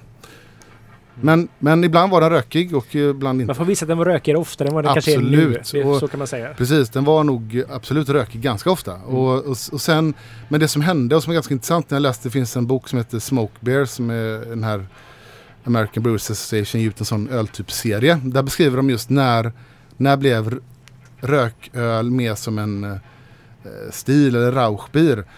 Och det blev mer, det var ju, beskrev de lite, att det blev när man slutade använda rökmalt, rökig malt. Så att eftersom det var som Olle var inne på ganska vanligt att malt var rökig. Så var det kanske ingenting man heller beskrev öl som, oj att, för att den var rökig. Det var kanske ganska Det är naturligt. ju bara det som Del. avviker från normen Precis. som behöver beskrivas. Precis. Så i framtiden är det, snart de här alla som dricker IPA nu kommer ju så här. Det här är ju icke-humlad öl. Ja, exakt. ja, men så, så när, när, och det kom ju i Storbritannien när man började använda eh, koks och sådär. eh, och, och man började torka malt med indirekt värme. Det vill säga den inte utsattes för rök. Eh, som den också behöll sin ljusa färg och eh, inte blev rökig helt enkelt. Och det var ju först då som, och det här blev ju så stort också för att eh, pilsnen kom som ni vet och, och det ljusa ölet gjorde liksom succé världen över. Så försvann ju också användandet av eh, rökmalt när, när ölen, ölindus, ölet industrialiserades. Så det försvann. Förutom då i Bamberg av någon konstig anledning. Mm. Men det... Vad tänker du på Martin? De svetsar där borta. De svets, de, alltså de svetsar ju Hisingsbro nu. Ja. Ni, Ja, det är det som låter. Ja, alltså jag- det, vi har, det är inte bara måsar nu. Eller Måsarna, man kan säga så här att måsarna drunknar lite grann i svetsarbeten och den moderna göteborgska hamnen. Eller är det, nej, det är husbåtarna som gnisslande gungar här utanför också. Eh, bara så ni vet det, är ni som lyssnar, att eh, det är den- den råa verkligheten. Ja, så det här med ja, eh, ljus och eh, mörk malt. Mitten 1600-talet, 1600-talet har man hittat eh, de här första bevisen på såna här kölnor som hade indirekt värme. Så att malten inte blev rökig och mörk. Men det blev stort först egentligen under industriella revolutionen, slutet 1700 typ. Det var då som malt blev ljusare och ljusare. Jag tänker på den ölstilen där, jag kommer aldrig, den, den Grodinski. Grodinski precis ja. Ja. Den beskrivs ju som rökig veteöl liksom. Precis.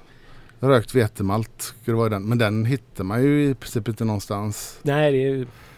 En polsk eh, ölstil med, med rökt vete. Mm. Samma eh, Lichtenhein, Lichtenheiner också. Ja, men inte det typ samma öl fast i Tyskland liksom? Eh, li, fast Lichtenheiner är väl också syrlig. Jaha, det är inte Grodinski. Jag vet inte om det måste vara det. Jag Nej, är osäker. Man hittar ju aldrig de här ölen. Det Nej, nej. Jag, jag, Thomas som praktiserar lite på bryggeriet, han är sån här öldomare. Ja. Han jobbar faktiskt nu på ett bryggeri i Tallinn. Men han, han var ju och dömde öl då. I en, Just det. tror jag vi pratat om tidigare på den att han var i Polen och dömde i en där det bara var såna här öl.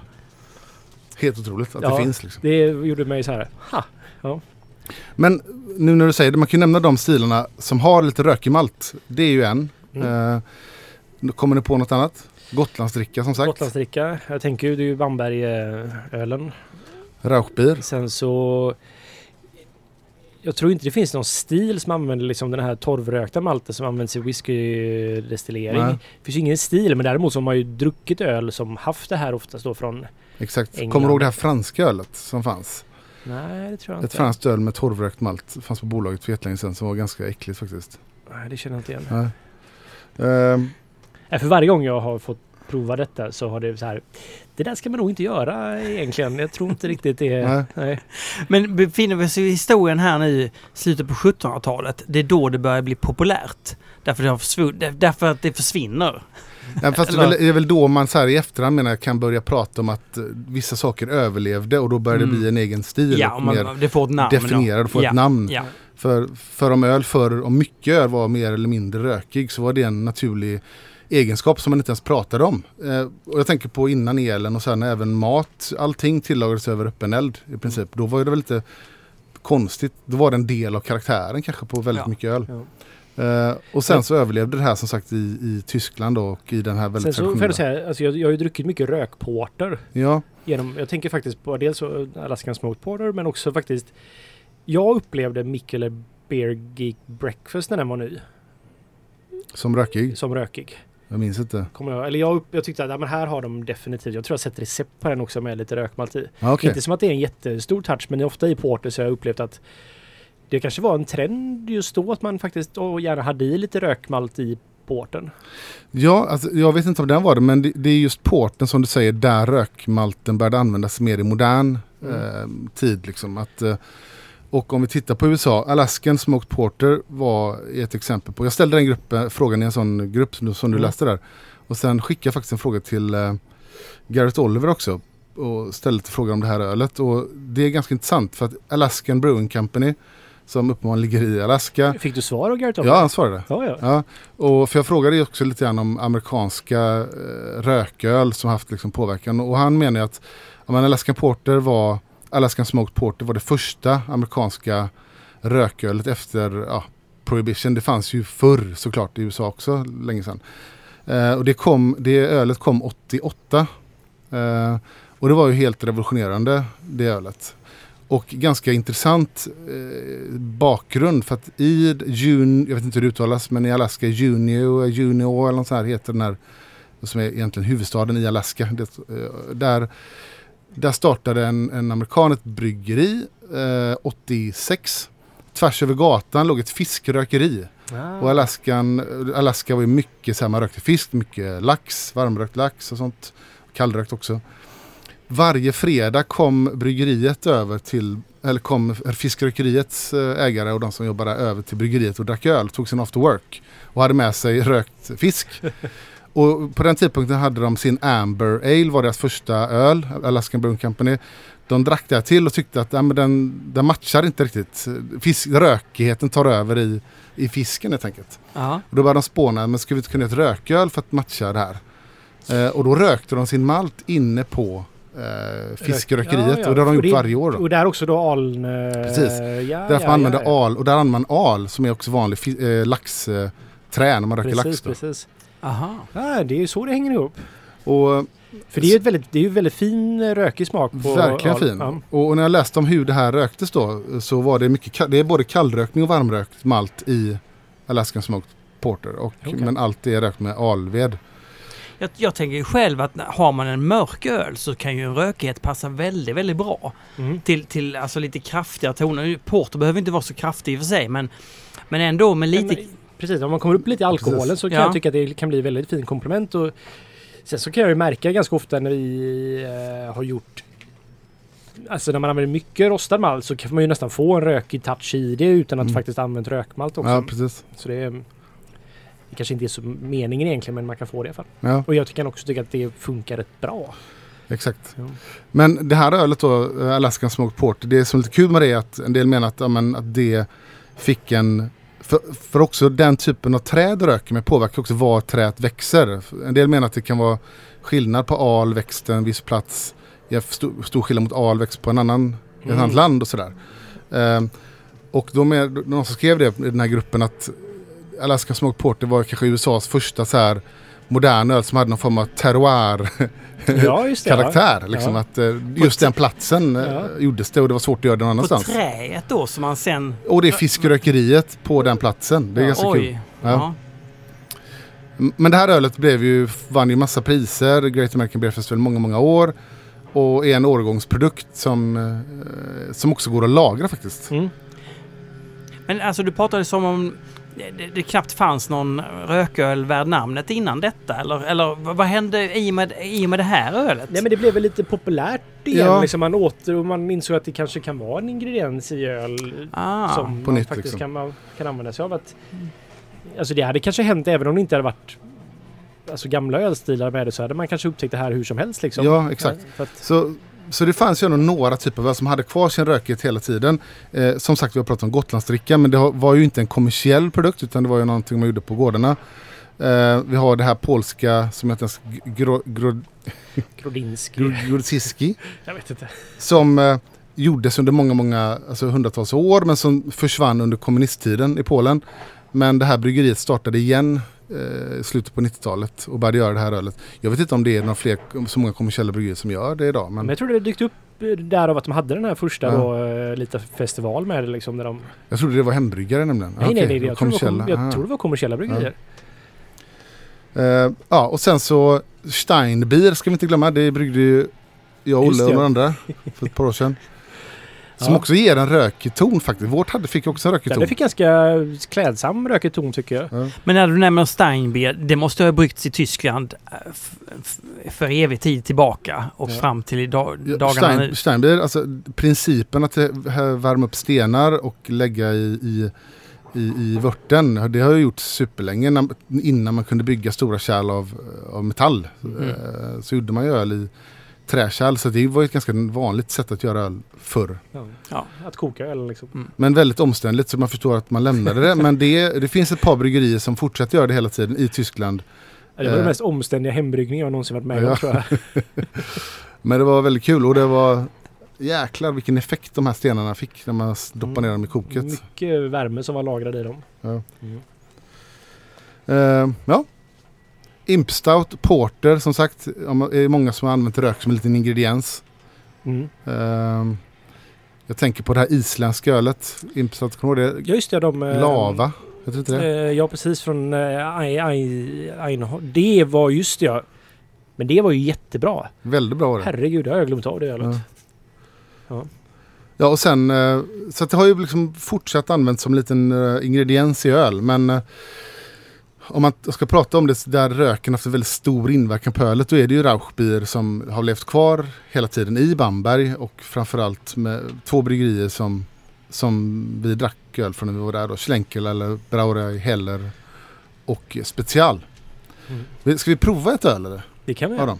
Det tycker jag. Det är vår Är nya stil. Ja men nu, absolut, absolut. Öl. Det ser ju ut som att du bara har öl med från Heller, ja. Brauerei Ha- Heller. Det är bara det vi kommer att dricka. nej, vi börjar med det. Och eh, de har ju flera varianter. Jag, har fått, jag hade, de här går inte att få tag på i Sverige just nu. Du får köpa en hel låda. Så jag fick av Simon eh, Snäll och Peter Zetterberg. Jag har fått lite bärs och Jonas. Schysst. Jag har skrapat ihop lite öl. Oj. Eh, Jaha. Har ni sett att de börjat lägga öl på burk? vilka då? Ja, eh, la, eh, Hellesen eller? Ja, precis.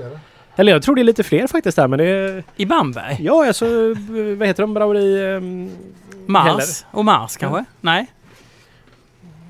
Det vet jag inte. Men det känns oväntat att de gör det faktiskt. Ja, det gör det. La jag den? Jag tror det har varit för... Eh, kanske varit för den amerikanska marknaden, jag vet inte riktigt. Varför har du skeden med dig? Jag ska här hitta ingen öppnare. Ja. Åh herregud vad varmt det är. Man blir fan seg i huvudet. Alltså. Jo men det... Eh, Lite öl kanske hjälper där. ja. Jag behöver spotta där känner jag. Ja. eh, Jaha. Och vad är då detta? Ah. Det här är... Men, Berätta, berätta Fredrik. ja, men nu tar vi det här som är någonstans ursprungsölet för, eh, eller urtypen för Rauchbier. Echt Schlenkerler Rauchbier, deras Märzen. Mm. Eh, det här är ju deras storsäljare och som de säljer Det- är, Det doftar för galet alltså. Som är- Det gör det. det. för de flesta en galen upplevelse första gången man dricker det. Det, det doftar ju verkligen så här, både kära och korv och salami och Ja. Nej, det här är inte bra. Häll ut det. Alltså, Jo men det här är gott. Det är gott men jag skulle faktiskt inte heller kunna dricka så mycket av det här faktiskt. För det här är så kraftigt i. Men samtidigt så man vänjer sig lite och Mm. det är ju en väldigt god öl. Alltså jag hade uppskattat den här mer om den var mindre rökig. Det måste jag ändå, det måste jag säga. Jo men faktiskt. jag, jag tänker, jag gillar ju special bättre. Den är ju Mm. mindre rökig. Precis. Uh, men vad tänker du Martin? nej, alltså... Ja, jag tänker att det är, det är för kraftig smak. Det är för kraftig... Att man tar kurvan för hårt, hår- hårt här va. Mm, Och det är svårt att räta upp bilen. Eh, på något sätt. Det är liksom... Ja, det är för mycket rökighet. Jag tycker Ja. man... man eh, ja. Skymmer sikten. Man, man, är- man börjar väl, volta med bilen och sikten är skymd. Lite så. Men eh, det här är ju då, de röker ju på bokved. Ja precis. är ju deras eh, träslag som de gör det. Och de röker ju malten själva också. Ja, Som vi fick se när vi var där. Det var ju väldigt fint var det. och det, det här är lite intressant för att det, det är ganska ovanligt att göra sin egen rökmalt. De två bryggerierna som räknas till som de så här klassiska rauchbierbryggerierna, båda gör, ju- båda gör ju sin egna malt, rökmalt. Aha. Både special och eh, eh, Braura Heller. Sen, jag kommer aldrig riktigt ihåg det. Eller vet inte, var all malt en rökmalt? Eller- I det här ölet är allt är 100% rökmalt. Ja. Sen så ska vi prova en annan öl här där det är, där det är blandat. Ja. Eh, så det beror på vilken öl det är. Och sen så var det ju roliga med den ljusa var ju att de inte hade rökmalt i utan det bara smakade rök för att de Exakt. skördade jäst Jag fick den den också av Simon men jag såg att den var rätt gammal den flaskan. Men jag kan prova den då. Se Det om kan du känner. Man borde kanske börjat med den egentligen. Men vad, vad tyckte ni om besöket där? Det var väl ganska coolt? Det var, Det var häftigt besök. jättecoolt var det. Det är, Det ju, var, det är ju ett hus. Jag tror att det här huset är från Ja men det är ju 1400-talet liksom. grottorna var väl ännu längre? Ja, De de var ännu äldre. 10 meter under marken var grottorna. Och ändå har, har du sorter. fått in ett väldigt moderna, snygga, väldigt välputsade tankar. Alltså det var... Det var Ner så, i den. Visst Ja. var det konstigt hur de fått ner det dit? Men han förklarade det. De hade ju en hiss där som... Ja. de, och det var ju verkligen så här. De hade ju... På millimetern. Millimeter som marginal liksom. ja, men, men och de hade ju sån ordning där nere. Det var ju verkligen eh, Mm. Det var en välstädat. tysk Ja. ordning var det. Det det var var det. tysk ordning. Ja. Ja. Eh, ja, den som, de som äger nu sjätte generationen, eh, familjen Trum, som äger det. Och han som äger det nu är halvsvensk. Minns att han berättade det? Ja just det ja. Mm. Det sa Mm. han, ja. Eh, och ja, men så att någonstans, de har ju kört den här stilen och egentligen enda moderniseringen den här nya ägaren har gjort är att släppa lite fler varianter av, de har en, en veterököl och lite andra varianter. Men Mm. från början gjorde de ju bara ett eller två av de här rökölen. Och det här är det, kan man, man, man skulle kunna säga att det här är det mest originala bryggeriet i Bamberg. Eller det mest kända, det mest speciella, det Det, mest... måste man ju nog säga. Ja, Absolut. på det sätt. säga. Det som är Ja. mest förknippat med det i och med att det är det som Ja. når mest utanför och det mest ikoniska av dem.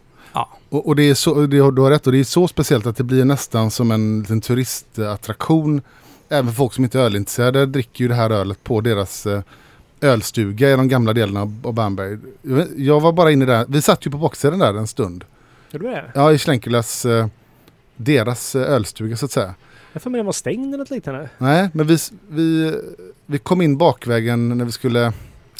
Vi träffade Janko, vi skulle träffa Janko han satt... Kommer du ihåg det? Vi, han satt där och vi undrade hur kom han hit för oss och så. Jo det här Satt känns vi på deras bekant. uteplats där. Ja.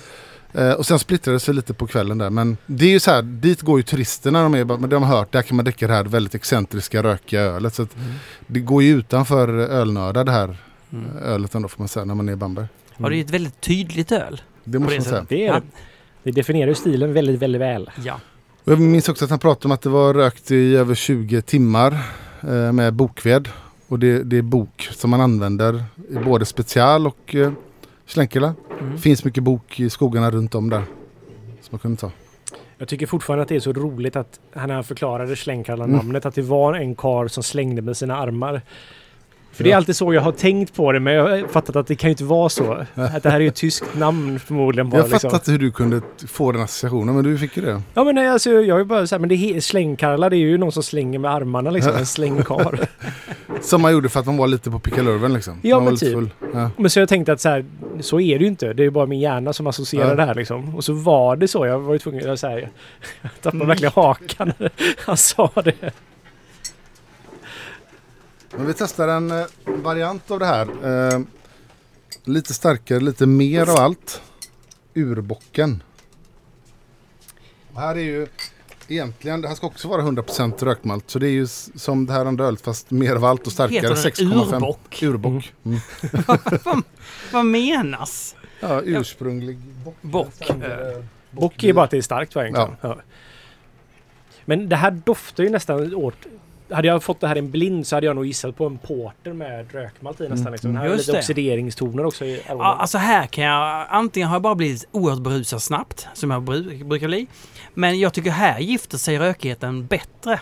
Det tycker jag med du det? faktiskt. Ja, det, kanske, det finns ju mer någon form av maltkropp att stå emot där. Här finns det en karamelliserad maltkropp nästan Mm. på ett sätt Mm. som... Det, men det är samma recept bara att de har högre start. Ja, det ska vara då, 100% liksom. samma rökmalt i Ja. den här.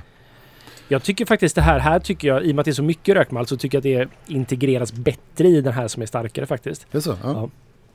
Jag tycker det, jag tycker det balanseras bättre helt Mm, enkelt mm. så att det faktiskt... Men vet ni vad? Det bästa är ju att det här tar ju mig tillbaka till Bamberg. Ja. Väldigt mycket. För de här smakerna är så tydliga i sin... Ja. Det tycker jag inte att Hälsinge Pils gjorde på det sättet. Det tog jag inte till Bamberg alls. Det tog mig mer till... eh, Ja, det, för den var ju så... Den var ju... Oj, vad, vad, vad gör du Olle? Det är, en salami eftersmaken på den här är ju Ja. kraftig alltså. Men jag måste berätta en grej som är så här. Det här är ren så här konspirationsteori från min sida. Så man ska inte lyssna på det här. Men jag, jag var ju på det här bryggeriet 2000, år 2000. När Mm. jag var ordförande i Svenska Ölfrämjandet. För då hade vi ett EBCU-möte i Bamberg. European Beer Consumers eh, Union Association. Och då, då fick vi en visning av bryggeriet. Och då var vi nere i källaren. Och då gick jag runt och jag avvek lite från gruppen och gick och tittade runt hörnet. Jag är lite så nyfiken, spionerade lite. Då såg jag flera stora plastkärl eh, som stod, som jag lyfte på ett lock. Det här har jag berättat för nog tidigare. Ja, jag känner igen det här. Ja. Eh, och där i var typ som en, eh, som ett, ser ut som en, eh, så här i efterhand har jag fattat att det ser ut som, en, som ett malt, si, eh, maltextrakt i flytande form. Som stank den här korven, alltså det här sirapsliknande. Sjukt, sjukt starkt. Och då har jag tänkt efteråt så här, fan är det, för att jag har alltid tänkt och det pratas ganska mycket om hur fan kan man få den här typen av rökighet med, med bara en, något röken malt för att det kommer, får man inte fram i annan typ av rök, den här korven. Mm. Då börjar jag tänka, kan det vara någon form av... det- Fortfarande tror jag inte att de skulle någonsin skulle avvika från de tyska renhetslagarna. Men att det är någon form av... eh, Att det var ett maltextrakt Ja, maltextrakt som de har på något vis producerat som, och infuserat kanske med rök. Det här är bara ren spekulation. Jag vill inte... Jag tycker det låter oerhört troligt alltså. eh, Med rök för att, för att, och kanske boostar, boostar det på det sättet. Alltså det finns ju kanske en grej att om de har produktionsmässigt mältat eller rökt då alldeles för mycket malt och haft över. Jag tänker att rökmalt inte, man vill gärna ha det så färskt som möjligt. Och så har de kanske överproducerat eller så har de testat och så har de skickat det här då på maltextraktstillverkning istället. Möjligt. Alltså, Det, alltså, det skulle jag mycket väl kunna tänka mig. Alltså, man vill ju ofta effektivisera Ja. liksom. Men sen har jag provat sån här Wei- Weimann som vi också besökte med där Mm. mm. mälteri. De gör en rök, ett, ett eh, rinnande rökmaltextrakt som jag bryggt på en gång. Ja. Det luktade inte alls rök. Alltså, Okej. Så att det här var ju någonting annat. Eh, Men du är säker på att det var, det var ett sockerextrakt? nej, det liksom? vet jag inte. Men det kan inte vara ett jäst bara de hade då i... Nej, det tror jag inte. För att det här var, det var inte jästslurry. Det här var ju som en mörk sirap. Det hade samma färg som ölet i princip, fast ännu mer Okej. koncentrerat. Som, nästan som melass liksom, om du förstår. Eh, ja, och då... Det har jag funderat jättemycket på genom åren vad det här kan ha varit liksom. Och, Men det skulle inte förvåna mig om de har gjort egna experiment på att ta sin egna rökmalt och göra den till extrakt. För att egentligen bara underlätta bryggningen liksom. Det är ju fortfarande inom tyska renhetslagarna på alla sätt. Det, Ja. alltså, just, det, det skulle vara jätteförvånande mig om de inte har experimenterat med det. nej. Och en, återigen en ren spekulation bara nu. Ja.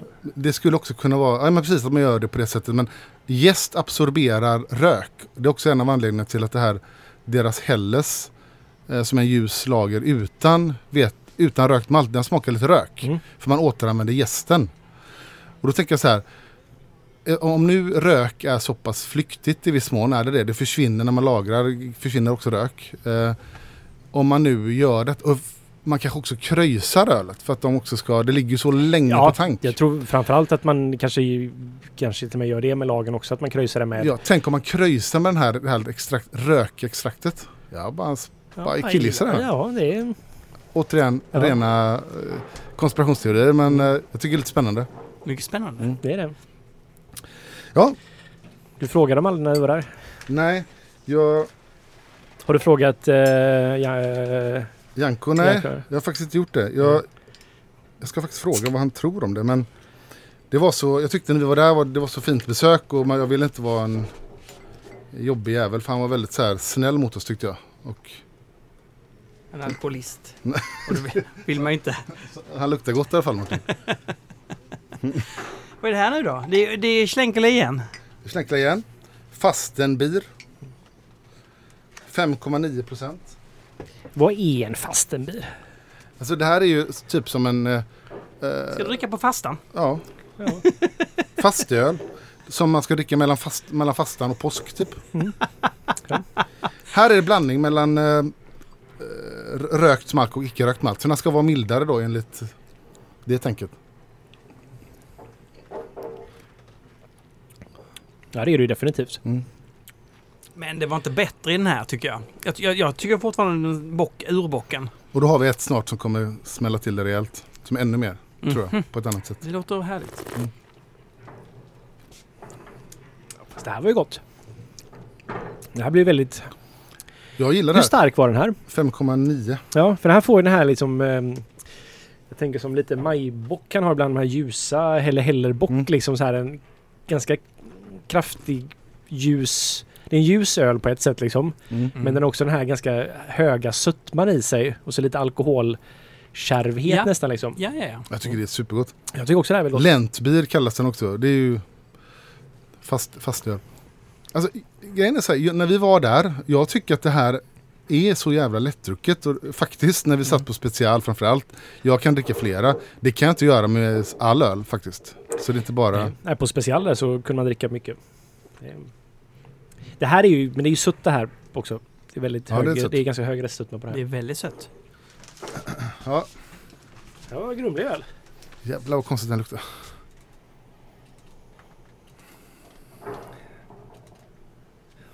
Men vad det här, det här är mer fenoligt. Vad är det Mm. för något? Deras veterököl. Ah! Ja, det ser man ju på... Ja. Men det var inte så jävla gott tycker jag. Det är bara...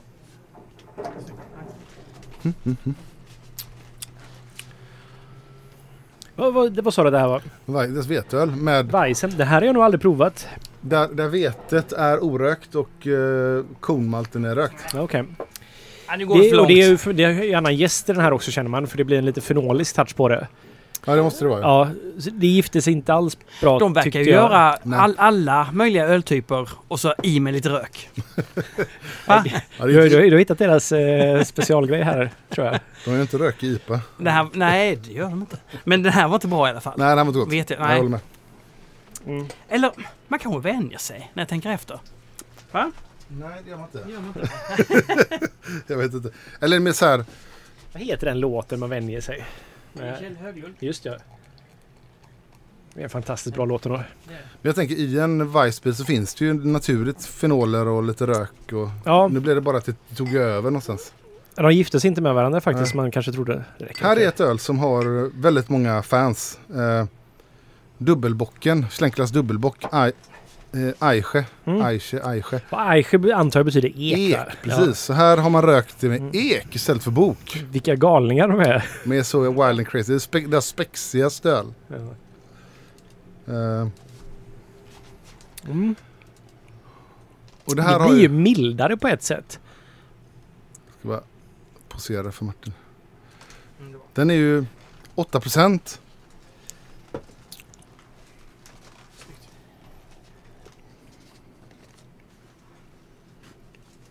Och det, är- det är en annan karaktär på det. Det är en annan typ av rökighet. Nu kan det också vara att det är så pass eh, starkt också som ni är inne på att malten balanserar upp. Att det inte bara blir rök, att det är också lite kropp och alkohol och sådär. Men eh, ek ger väl en annan, ek ger väl en annan typ av rök än vad... Mm. Men jag vet inte om det är att det är högre beska i den här men jag upplever den här som lite strävare på ett sätt. Den är lite motstånd, eller har en... 40 BU säger de på sin sajt. B- 8 procent. Alltså bitterness unit. Så att den, och, unit, så den, och ganska mycket grund, bäst, grundbäska. Så att den har ju en bäska ändå som bär upp. Sen eh, sa ju han en sak nu där som också är galet. Den här ligger eh, sex månader på tank nere i källarna där. Ett halvår. Eh, var det inte den här vi fick när vi var där? Eller var det urbocken? Eh, Jag tror det var urbocken vi fick. Har jag för mig. Mm. Inte så dum den här. Det passar som sagt till, med starkare, till starkare. Eh, men alltså det verkar Men- ju som att Braueri heller, de, de ska äga det här med rök. Ja, de, de- släpper de liksom inte det. in någon... Ja, Ja, de gör det. Ja, jag tyckte faktiskt urbocken var bättre. Det här är ju mildare än urbocken. Jag tänker att det här måste ju vara mycket mindre andel rökmalt än vad det är urbocken faktiskt. Eller så är det bara, Eller så- eller så, eller så är det bara att eken ger en annan typ av... Så kan det vara. Men jag hade en Rökigt. strävhet i den här lite grann som jag tyckte var lite... En strävhet som jag tyckte var lite konstig. Det, eller det är en ren träigare ton om du förstår vad jag menar liksom. Jag fattar. Mm. På ett annat sätt. Det det kan ju vara träet, att det ger en annan karaktär. En annat trä ger annan, en annan karaktär. Det är gott. Mm. Det är inte det. Men, men i alla fall det här bryggeriet. Jag vet inte om ni minns hur mycket de gjorde när vi var där. Men de hade ju expanderat och vi fick ju besöka det nya rummet där de hade lagertankarna. Ja. jäste de även där. Nej, jag tror det var gästtankar också. Jästankar också. Som, som var helt fascinerande för att när man ser bryggeriet från gatan så ser det bara ut att vara som ett litet korsvirkeshus. Sen när man kom in så tog det aldrig slut liksom. Det var ett till rum här och så Ja. ett till rum här och så var det som att så här. Ja, alltså det var, man hade ju orienterat. Jag hade ju aldrig kunnat gissa var jag var någonstans längre i bara så här ren orient. Vilket var i väster, öster, norrut. Och då han, Martin Knabb hette bryggan som visade oss det. Han var lite så här, jag vet inte om vi ska säga det men han var ju lite så här, han ville ju inte att vi skulle, han skojar väl, men fota allt för mycket i det här nya rummet. För det kändes inte så jätte så här in line with the brand. Nej, precis. stort- 50 000 liters 50 tankar 000 som bara liters som, tankar. som Helt man inte såg slutet på nästan. Mm. ja, då är man verkligen orolig om det är det som är... För bryggverket var väl inte så värst stort. Det var väl på en 5000 liter. Jag tror att det är liknande. 5000 liter ja. Ja. Och de, jag vet inte vad de brygger om, men det här var ju ganska nytt det här rummet. 2016 eh, så bryggde de 2 miljoner liter. Mm. Och sen har de expanderat efter det. Så att, Ja. eh, mer, de brygger mer då. Ja. Kanske upp mot fem nästan då i sådana fall. Ingen aning. Men eh, skickade de iväg för paketering? Kommer du ihåg det? Minns inte. Vi såg väl ingen flasklina där? Jag såg bara en returflasklina i stort sett, vilket jag tyckte var knepigt. Jag såg aldrig någon flasklina. Nej, Eller det var jag tolkade som en typ för pantflaskor, för de har ju pant, det här är ju pantflaskor i Just det, det Tyskland. stod ju massa lådor där. Ja. Mm. Eller det tillhör retur. Så att, jag, jag funderar på om de skickar iväg det för paketering någon annanstans. Ingen aning. För, jag, jag, det, det, de, för att om de skulle göra så mycket och de lägger väl det mesta på flaska tänker jag då. Det skulle vara en ganska stor anläggning. Ja, Och så mycket, det kändes inte som det fick plats där någonstans. men lite så. Men då, då lägger de det på tank och kör iväg det. Och, Precis, så då kommer en bil och så tankar man över det. Så. men är det bra att göra sig Det är så? bättre att ha det internt men det är inte, så gör man det på rätt sätt så funkar det. Så funkar det? Ja. Mm. Ja, okej. Sen så kanske inte det här typen av öl är superkänsligt för lite oxidation. Ja, fast jag undrar om inte det, rökigheten gör nog det känsligare då på ett sätt. Sen får jag säga att urbocken hade lite oxidation tycker jag. Mm, Men den var kanske lite äldre. Ja, men det, jag Men man ser att, det också att, man ser klädsamt att rök har en, har en sån här anti, Antioxidering. antioxiderande effekt. så Ja. Jag vet inte. Nu måste jag få ändå få fråga Fredrik. Mm. Om du ska välja en, en öl Mm. Från eh, Tyskland, Bambergsregionen, då skulle du väl aldrig välja någon Om, jag, om jag bara får dricka ett öl därifrån. Om du skulle välja tre öl därifrån? Nej, jag skulle inte välja det här. Nej. Nej? Nej. Det kanske på sjunde plats? Då kanske? Femte kanske. Oj, så pass ändå? Mm. Ja. Precis.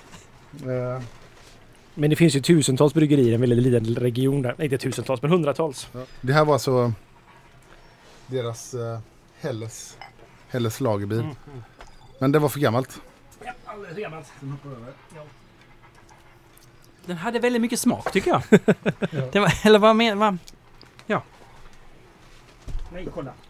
Nu har ni fyllt glasen. Fylla Ja, men, men oavsett vad man tycker om den här typen av öl. Det här bryggeriet är någonstans, det är ju någonstans eh, liksom, kärnan till eh, Rauchbier och, och rök, rököl. Det är det här som i princip alla relaterar till när man gör en rökig lager. Ja.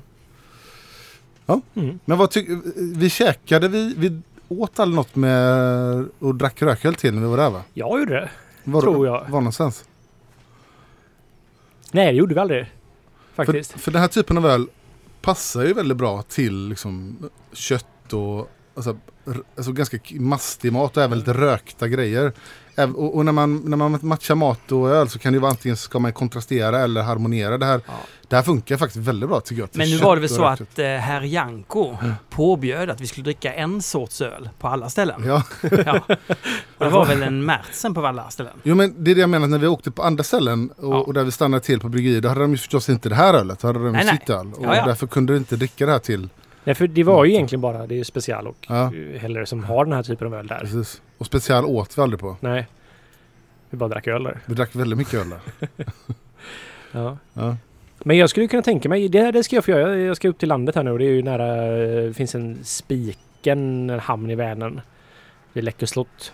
Som har någonting som jag tycker är typ det godaste jag vet när det kommer till rökt fisk och det är rökt sik. Ah, Det tror jag skulle funka jättebra med det här. Det är så. Så jag köper med rökt, jag köper med rökt sik när jag kommer tillbaka från semestern till Ja, det är grymt. Ja, det är så fruktansvärt gott. Vad skiljer det från rökt... Eh, en vitare fisk? Än, Det är ju någon, någon form av laxfisk, någon laxfena har den, men den är magrare. Ja. Men fortfarande ganska fet, men det blir bara... Alltså du kan inte sluta, eller jag kan inte sluta äta det liksom. Det är som att så här, det blir... Alltså Men- man, man kan bara plocka i sig liksom den här fisken bara som den är. Men rökt fisk är ju otroligt gott. Jag gillar ju rökt abborre också. det är gott ja. Och sånt är ju helt magiskt. Ja. Det var så här, det bästa jag åt förra året tror jag var när jag var på landet en själv veckan innan vi åkte till eh, Bamberg. Så jag fiskade ju väldigt mycket och då eh, fick jag så här, jag plockade bara upp abborre som är över typ 400 gram och så fick jag en sån här jättefin och så bara grillade jag den. Och jag vet inte, det var nog dagen och allting men jag var helt själv och så bara så här liksom åt bara grönsaker, liksom rödlöken var från landet i så här tillsammans med den här grillade abborren. Och det var så fruktansvärt gott. Och så rökte jag också den här abborre. Den blev överrökte lite grann. Okej. Ja. Det var också väldigt gott. ja men rökt abborre är, ja, det är en sån barndomsgrej för mig. Ja. Underbart. Vet ni, Jag tackade nej till stekt makrill igår. Stekt makrill. Ja. Det jag tycker inte, är jag en bra förälder då? Om jag tackar nej Du var till? hemma hos dig? tackade Nej, nej jag var borta. Och det, så var det en som sa, jag har massor med makrill här som jag tänkte steka upp. Vill du ha? Nej. För att du inte gillar det? Jag hade ätit redan och tog inte tillfället i akt. En, en makrill får man alltid plats med. Man får väl det egentligen. Nej, jag känner en ångest eh, som stiger. En ångest av det. Okej, ska vi lämna det här bryggeriet eller kan vi aldrig någonsin lämna det? Nej, vi kommer till Nej, så vi lämnar det. Eh, vi var ju på special som sagt, eh, bara Ja. jättekort. Det Ja. också gör sin egen rökta malt. Där har de tydligen eh, mindre mängd rökt malt i sitt öl. Mellan 40 till 60 procent. Läste jag den här rökboken. Beroende på när de ska brygga öl. För rök, röker du malt och lagrar den eller har den under året så kommer den tappa en del av sin intensitet. Så att bryggaren där använder olika andel rökt malt beroende på när malten är rökt. Ja, just det. De röker inte liksom... Direkt i anslutning. Han röker under vissa de delar av året. För När det... malten är redan mältad när de röker den. Nej, det här är också intressant. Ja. För jag pratade med Patrik Holmqvist om det här. Eh, Jag fick kontakta några för det här är liksom, jag kan inte maltteknik sådär. Nej, För jag kommer ihåg att jag försökte fråga detta när vi var där. Ja. Men fick aldrig något riktigt svar. Var någonstans på När vi var på... Eh, Eller på special? På Heller. På Heller? Ja. Ja. De röker grönmalt som Patrik pratade om då. Alltså eh, icke-mältat. Men de torkar det med, med sin... Ja, Så det groddas innan Ja, någon annanstans då antar jag så de får då den gröna malten. ingen aning Det är, var. det är förmodligen att de har då ett annat Ja. mälteri som groddade. Alltså flål, alltså Ja. golvmältat då helt enkelt. Och sen så när det ska torkas då efter den första groddningen där. Så Ja. kommer det till bryggeriet antar jag då. Precis, och han... Ja men de inte gör det själva, ingen aning. Men det, det kanske inte hade utrymme för det där. Nej, då Nej.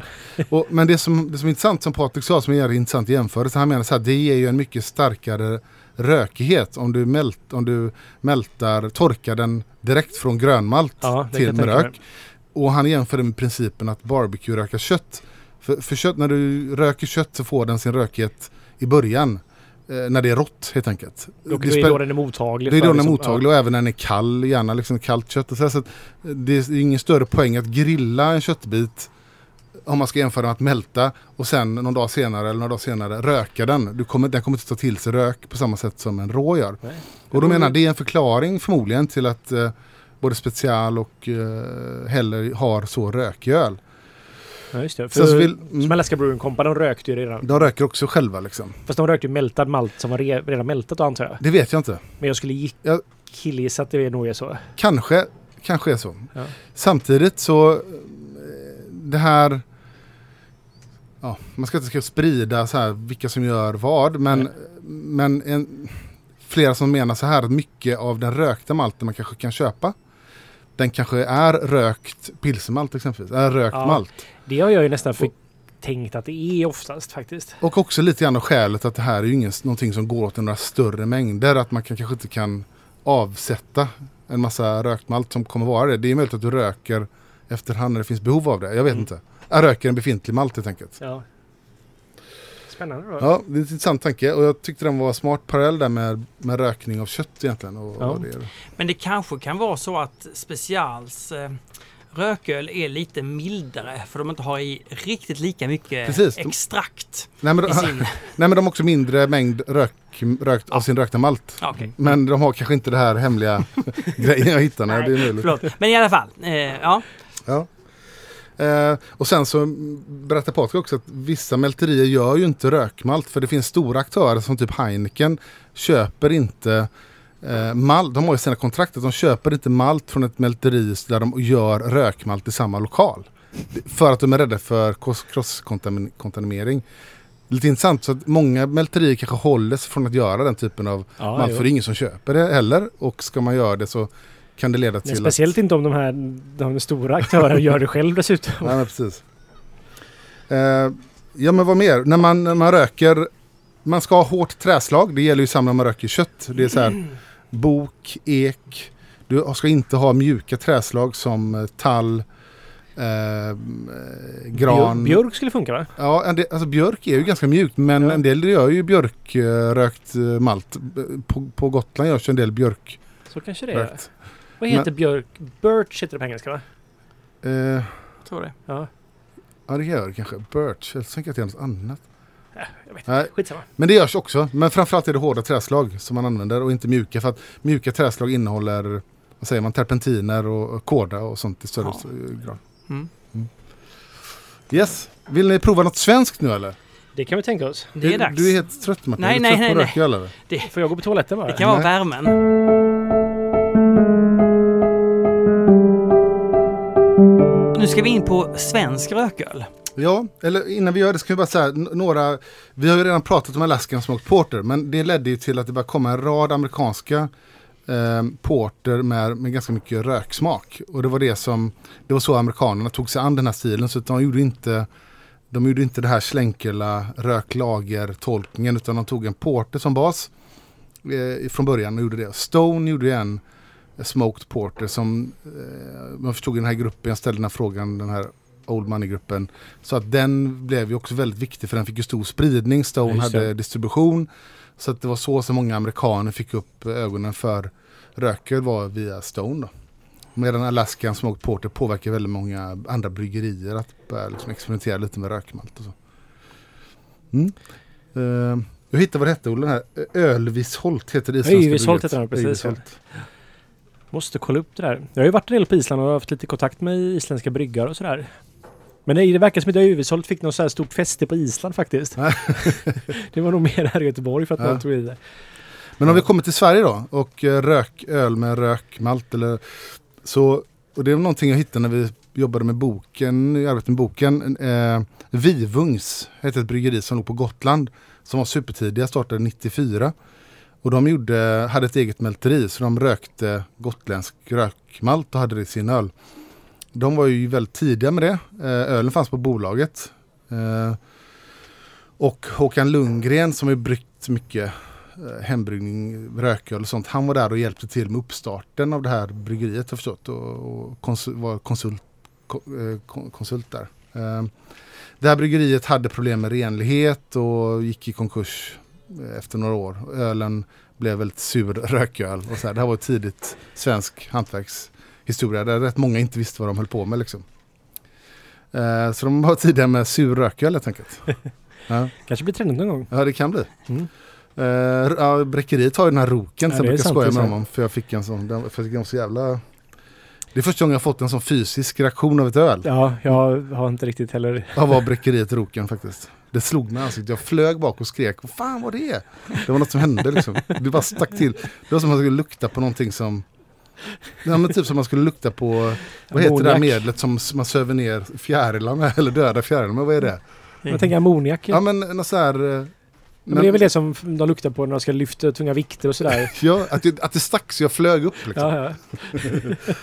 Sen dess har jag retat lite bräckeriet för det här och undrar när roken kommer. Så, nästa roken kommer.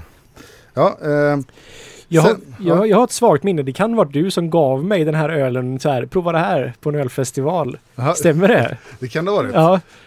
Eller var du på en ölfestival och provade nämligen? Typ, typ Bru- Bruskival kanske? Eh, det kan ha varit det. Jag, för den var ju så rolig för att jag, för att jag fick en chock. Det kan ha varit det, jag minns faktiskt inte. Så såg det lite pillemarisk ut. Ja. Nu ska vi dricka Världens bästa rököl. hårda ord, stora ord. Mm. jag. Ja, Men, säger du emot mig då? Eh, världens bästa vet jag inte, men den är bra. Och nu när vi har druckit så mycket annat här så kommer den här vara väldigt subtil förmodligen. I sin rök. Men det här är ju bara en sån jävla bra öl. Ja det är det. Jävla bra öl. Ja. Jo, men alltså, hade det här varit utan rök i sig Mm. Så hade det varit en riktigt bra öl. Det är bara den har lite rök i sig nu och är Ja. fortfarande en riktigt bra öl. Ja. Det är typ bara så enkelt det är. Ja. Alltså vadå, Hälsinge rököl? Hälsinge rököl. Ja. Och det här ölet är ju, kom ju redan, gjordes första året som Hälsinge startade som bryggeri, 2004. Så det här är ju, det är det äldsta svenska ölet med rök som finns kvar fortfarande skulle jag nog säga. Skulle jag gissa, jag är inte helt säker på det, men jag tror det. Eh, så det har funnits med länge. Men har inte gjort så mycket väsen. Nej, det får man inte beskylla dem för. Det det här bryggeriet gör inte så mycket väsen av sig generellt. Det är inget Instagram-bryggeri. Men de gör förbaskat bra öl. Det här är ett av dem. Ja, det är, det är faktiskt det är, en riktigt bra öl bara. Och hur stark är den? Den är inte så stark, utan den är 5 5,0. 5,0. Ja, det, är, ja, det är sån fin balans och det är... Det här är en perfekt matöl alltså. Ja men den är supergod. Här, Men om jag tar med mig sik då så... jag har Tar ni- ett par flaskor så tar jag med Ja, den. Mm. precis. Sikprovning. Mm. Sik och rökölsprovning. Ja, men jag har redan lovat eh, Simon på Stiberg att ta med mig lite sik till honom också. Mycket bra. Mm. Kan med kan, lite till också. Kan vi träffas allihopa eller? Ja, Simon får jättegärna med. Ja, Ska vi grilla den? eh, Röka den? Eller hur? Siken är nog klar när den den, kommer. siken är ju redan rökt. Den är redan rökt, så Ja, man bara äter den som det den är är. rökt sik som Man vär, värmer man den lite? Nej, det behöver man inte ens göra. man behöver inte värma den. Den är Nej. varmrökt sik i alla fall. det är som äts kall. Mm. Mår man, får man lite ont i magen av den? Nej, eller... Är, det al rökt? Jag vet faktiskt inte. Jag tänkte jag skulle kolla upp det där. Men Ja. jag skulle kunna tänka mig att det är det. Om du fiskar sik annars kan vi röka den hemma hos mig. Ja, röker lax. det är, det är svårt att filma så små munnar sikar. Men det är sant. Så då är den svår att röka. Nej, men den är svår att fånga menar jag. Du får med inte på hov. Du får fånga den med hov. Åker ut mitt ute i Vänern. Typ. Med hov. Och så Kastar hovar du- upp den. Ja. Otroligt. Nej, men om man flugfiskar så kan man få den som bifångst där. Nordrälv har ganska mycket sik faktiskt som Jaha. går ut i mynningen där. Det är en sötvattensfisk men den klarar ju bräckt vatten. Och sen så... Men vad äter den då? Liten Det är en bra fråga faktiskt. Det är riktigt, riktigt små fiskar tror jag den heter. Ja, herregud. Ja. Det var roligt. Nej, de är inte så. Men de, det, är, inte som vanlig bifångst om man till exempel trollar lax och sådana saker på Vänern. Så får man inte så mycket. Lax och öring finns det jättemycket på Vänern. Och då släpar man ju på ett avancerat sätt och drag efter båten. Ja, okej. Men det är inte så att man får sik jätteofta som en form av...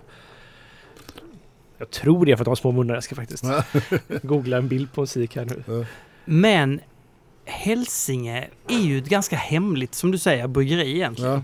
Och som jobbar i väldigt liten skala, Ja. vad det verkar. De, Mm. de, och och att, eh, att fördubbla sig varje år är inte deras största dröm. Nej. Utan det verkar bara vara göra öl och sälja så de överlever på något Alltså, sätt. jag och, vet inte exakt vad de har för... Det där är ju ändå en ganska liten mun. Ja, det får man säga relativt sin Ja. kropp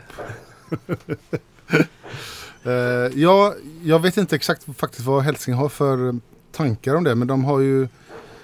De var ju som sagt ganska tidiga, 2004. Från början gjorde de, eh, sålde de vört till hembryggare. Så de gjorde vört som de fick sälja helt enkelt. Och, så man kan säga att Hälsingen var ett, ett Soigelbryggeri. Men när du säger dem så menar du egentligen en man som gjorde detta? Jag tror att Peter Orest heter han. Ja. Och han jobbade på eh, Gamla Stans bryggeri i Stockholm när det fanns. Och Just det. startade upp det här 2004. Jag vet inte om det är fler som jobbar men jag tror att det är väldigt mycket en enmans... eh, Nu tror jag det är hans eh, sambo också. Okej, fru, de är två som, då. Mm. Som har också gått in i det hela. Mm. Eh, ja, jag skickade en fråga till dem också men de är som sagt inte så aktiva på sociala medier. Jag har inte fått något svar. Hur, skickar du på sociala medier? Ja, det var dumt. Men jag, jag skickade via Facebook Messenger ja okej. lite sent igår. Det var Får- dumt. Prova fax nästa gång tror jag. Ja, exakt. ja, men fantastisk öl och ja, men det här är bra, bra Det hade grejer. varit väldigt roligt att träffa, träffa dem och eh, se, höra deras filosofi och hela Mm. Tanken som de har i det här, Det hade varit jätteroligt. i det här Sverige där det, det är väldigt mycket tre, trender som, som får styra och sådär. Ja. Mm. Men de, han är utbildad i Berlin. Jag tror att han, har, att han får kalla sig, han har bryggmästardiplomet då.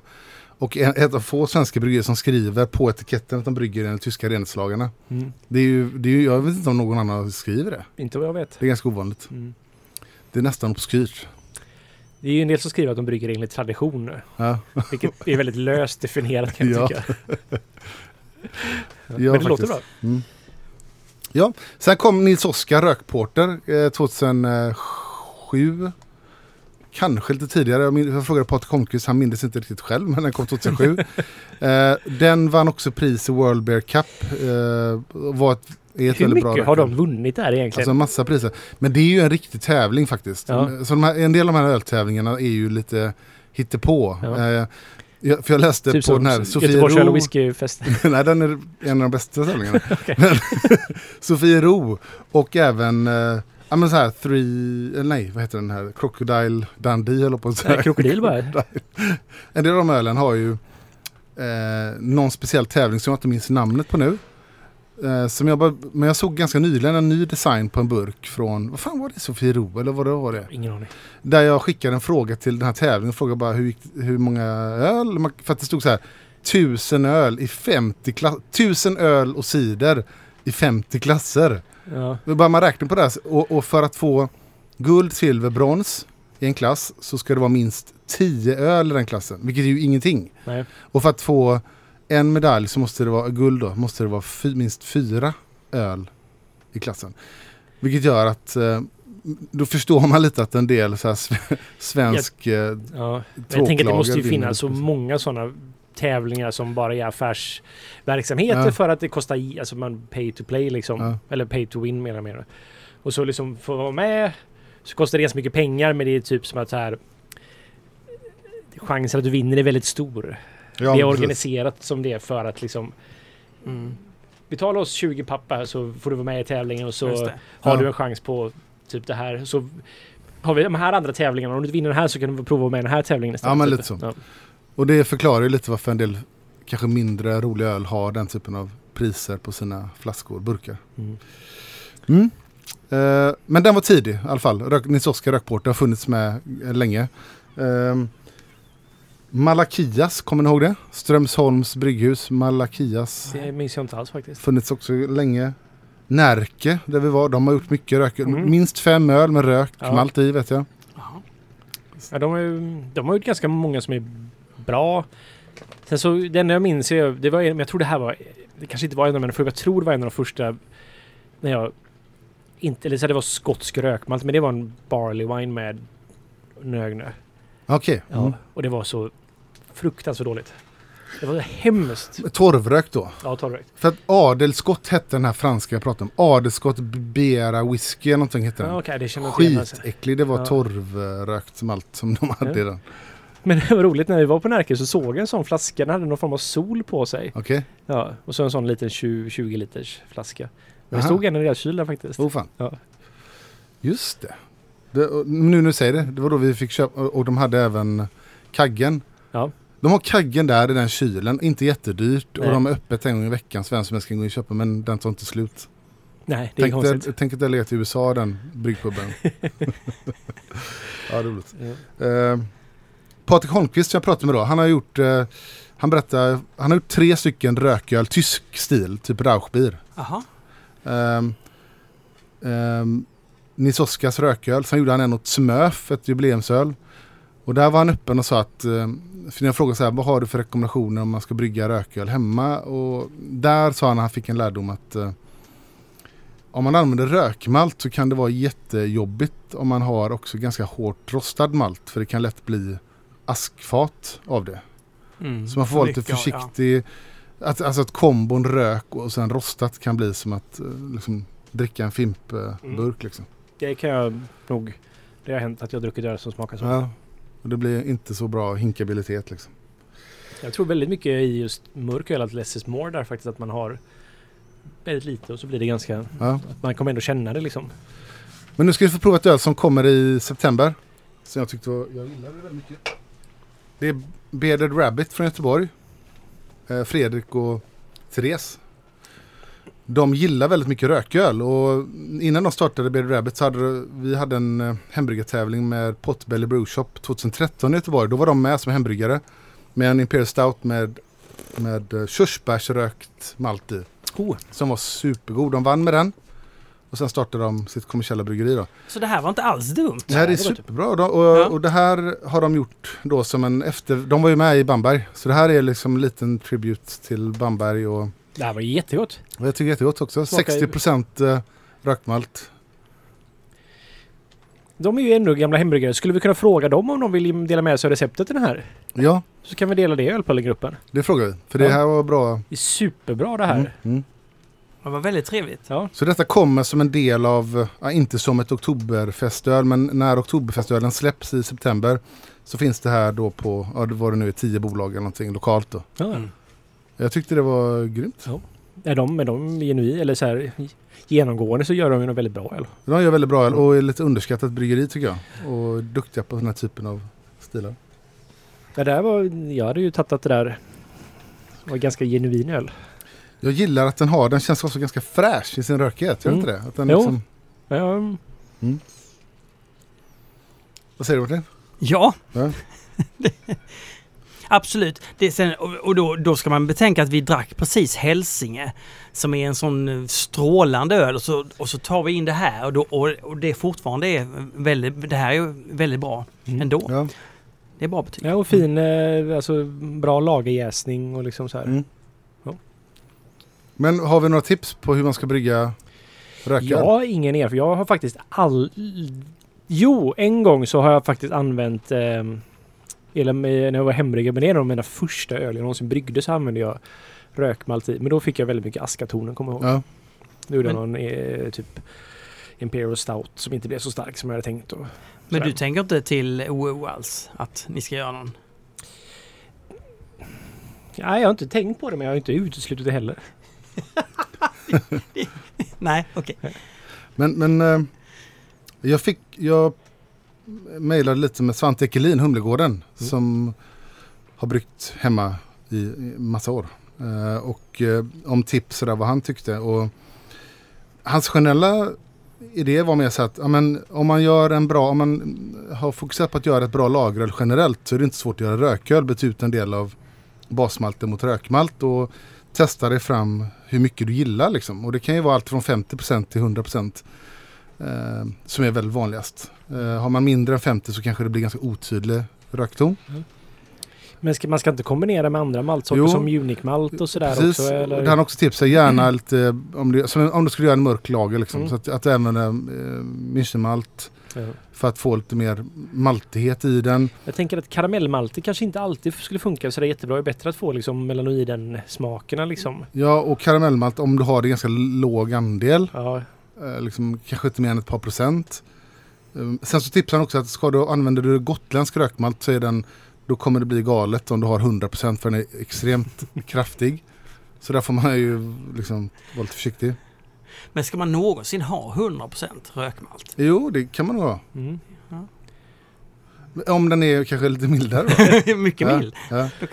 En del hembryggare röker ju faktiskt också, de köper rökt malt eller pilsnermalt och röker, alltså röker en andra gång eller röker, Mm. ja. För att, själva då. Mm. Jag har aldrig gjort det så jag vet inte riktigt hur man gör. men- Ja, det... Det har jag gjort i en extremt liten skala men det var faktiskt eh, Linus, kocken här på Palazzot, Ja. som ville prova. Men då rökte han det på eh, någon form av halm han hade. Tror jag. Okej. Halm? Det, Ja. det, men det smakar mest på rök. På inte så gott sätt. Nej men det var bara att jag, jag bryggde öl så fick han lite malt för att prova röka det liksom. Men, och det smakar ju rök men det var inte så angenämt gott. Nej. Ja, men jag bryggde aldrig med det sen. Halm annars, jag läste den här rökboken, var vanligt eh, förr. Att man Okej. använde när man rökte, när man torkade malt, man eldade med halm. All right. Ja, Nej, det var ju att han lagade mat med, eh, han rökte halm och så hade han någon fisk över en liten och sådär. Mm. Bara för att få en liten touch av det. Kan man säga att eh, framtiden för rököl kommer vara ungefär som den har varit de senaste 20 åren? Den kommer poppa upp ibland, den kommer aldrig bli jättestor, den kommer vara väldigt liten, men den försvinner inte. Jag skulle tänka mig att det skulle kunna komma en liten eh, rökölstrend. Inte så att det kommer bli en supervanlig stil, men jag kan tänka mig att om några år så bara liksom så börjar folk prata lite om rököl igen liksom. tror jag. Ja, det skulle inte förvåna mig faktiskt. När liksom, när eh, mer har gått och hela cirkeln runt liksom. Så Men- tror jag det kan bara komma att det, det kommer alltid cykler såna här grejer. Och jag menar när det är som 88 då när Alaskan Smoked Porter kom och sen så att liksom det, liksom det dyker upp lite här och där liksom. Ja. Så jag tror det kan mycket väl dyka upp igen. Möjligt. Du säger ju att du gillar hälsing exempelvis. Och... Ja, men jag, jag älskar den ölen. Precis. Så det Så att jag komma den. då? Martin Ja, kommer då, och jo, jo. uppskattar Det- rököl. Om, om, om de kontaktar mig och sätter mitt ansikte på etiketten, då tror jag den kan komma starkt. Hazeboysen Ska inte- växer upp och blir Smokeboys. Kan ni inte göra en, du och Simon gör en till cola med någon form av rökt läsk och sådär? Rökläsk. Nej, rökt men, apfelschorle. ja, fast nu Det är liksom, då slår ni ihop hela, knyter ni an ännu mer Bamberg. Simon är ju från, han är ju från ett, född i ett ålagille. Simon Svensson. Ja, Eh, Så att eh, rökt ål, ja, rökt Mm. ål. I en, eh, Läsken. kokt rökt ål i mäska. Det är värt koket. Ja. Han, han ser lite ut som en ål också. Han är väldigt lång och smal. Lång och smal men han tycker att han är tjock. Nej, det är han inte. Okej. Vad ska vi prata om nästa gång då? Vi fick en eh, fråga på, i, på Facebookgruppen, eller fråga, en eh, litet önskemål som var faktiskt väldigt bra tyckte jag. Eh, vi ska inte bara prata ölstilar som, som vi brinner för och sådär. Utan man kan även prata sånt som, som andra brinner för. Och Berlinerweisse kom upp som, Ja. Det, och det verkar ju finnas en intressant historia där också. Jag kan tänka mig att det finns lite att Ja. prata om där. det finns ju massa eftersom det är en ölstil som också var värd ingen gjorde för 25 år sedan. Alltså bara i Berlin och det var väldigt Knappt där heller. knappt där. Ja, Ja. Precis. Det, det var nästan också som en sån en turistgrej. Ja, Och vad roligt man kan få det här i vitt, gult, Det var ju verkligen- rött, grönt ja. och gult. Liksom. precis. Ja. Men då är frågan, kan man få tag på någonting på systemet? Alltså, du kan få tag på hur mycket som helst men då är det ju eh, smaksatt eh, och fruktad Berlinerweisse. Ja men tänk om jag vill ha den här original... Det är ju svårt. Det är ju det som är grejen. Bräckeriet har ju eh, Mm. något som, som är mer icke smaksatt. Jag tänker, ska vi ta in gåse samtidigt? Ja, om vi får tag på det, absolut. Men jag menar så här, ska vi prata om gåse och Berlinerweisse samtidigt? Finns det en mening med det? Eller ska man, ska vi välja någon annan gång i framtiden och prata bara om gåse? Fast grejen är så här, hur länge kan man prata om gåse? Ja, jag tänker att det kanske är lite därför att man kanske tar in lite gåse också i... Går inte gåse att få tag i? Nej. Nej. Eller jag vågar inte, i så fall är det hel låda kanske. Ja, men, eh, ehm, För de har ju, de, det finns ju en besläktskap, eller så här, de har ett Ja. släktskap. vad tycker du Martin? Ja, alltså jag vill inte på något sätt att gåse ska eh, putta ut oss från att dyka djupt ner i Berliner Weisse-floden. För jag vill veta allt om Berliner Weisse. Mm. Eh, men, Men det som avgör tycker jag är om vi någonsin kommer kunna ha ett gåseavsnitt eller inte. Ja, precis. det är ju... Det är svårt. Jo men okej, vi sparar. Vi håller oss till Berlinerweisse. Vi gör det faktiskt. Ja. Vi håller oss till Berlinerweisse. Och så... Alltså jag tycker man ska få lov att köpa nya. Vi måste ju prata om för det är ju ett jättefascinerande fenomen vad som har hänt med Berlinerweisse. Jag Ja. fattar ingenting. Men- Nej, det är otroligt. Ja, Och det har inte nått sin kulmen än. Nej, nej, herregud. Innebär det här att du kommer att ha med dig ungefär en 80 öl nästa gång då, Nej, Fredrik. det kommer inte vara. Men ett, liksom, kanske nå- något exemplar från olika skolor av Berlinerweisse om vi lyckas få tag på det. Mm. tycker jag låter bra. Mm. Ja. Och då ses vi i den här studion igen. ja.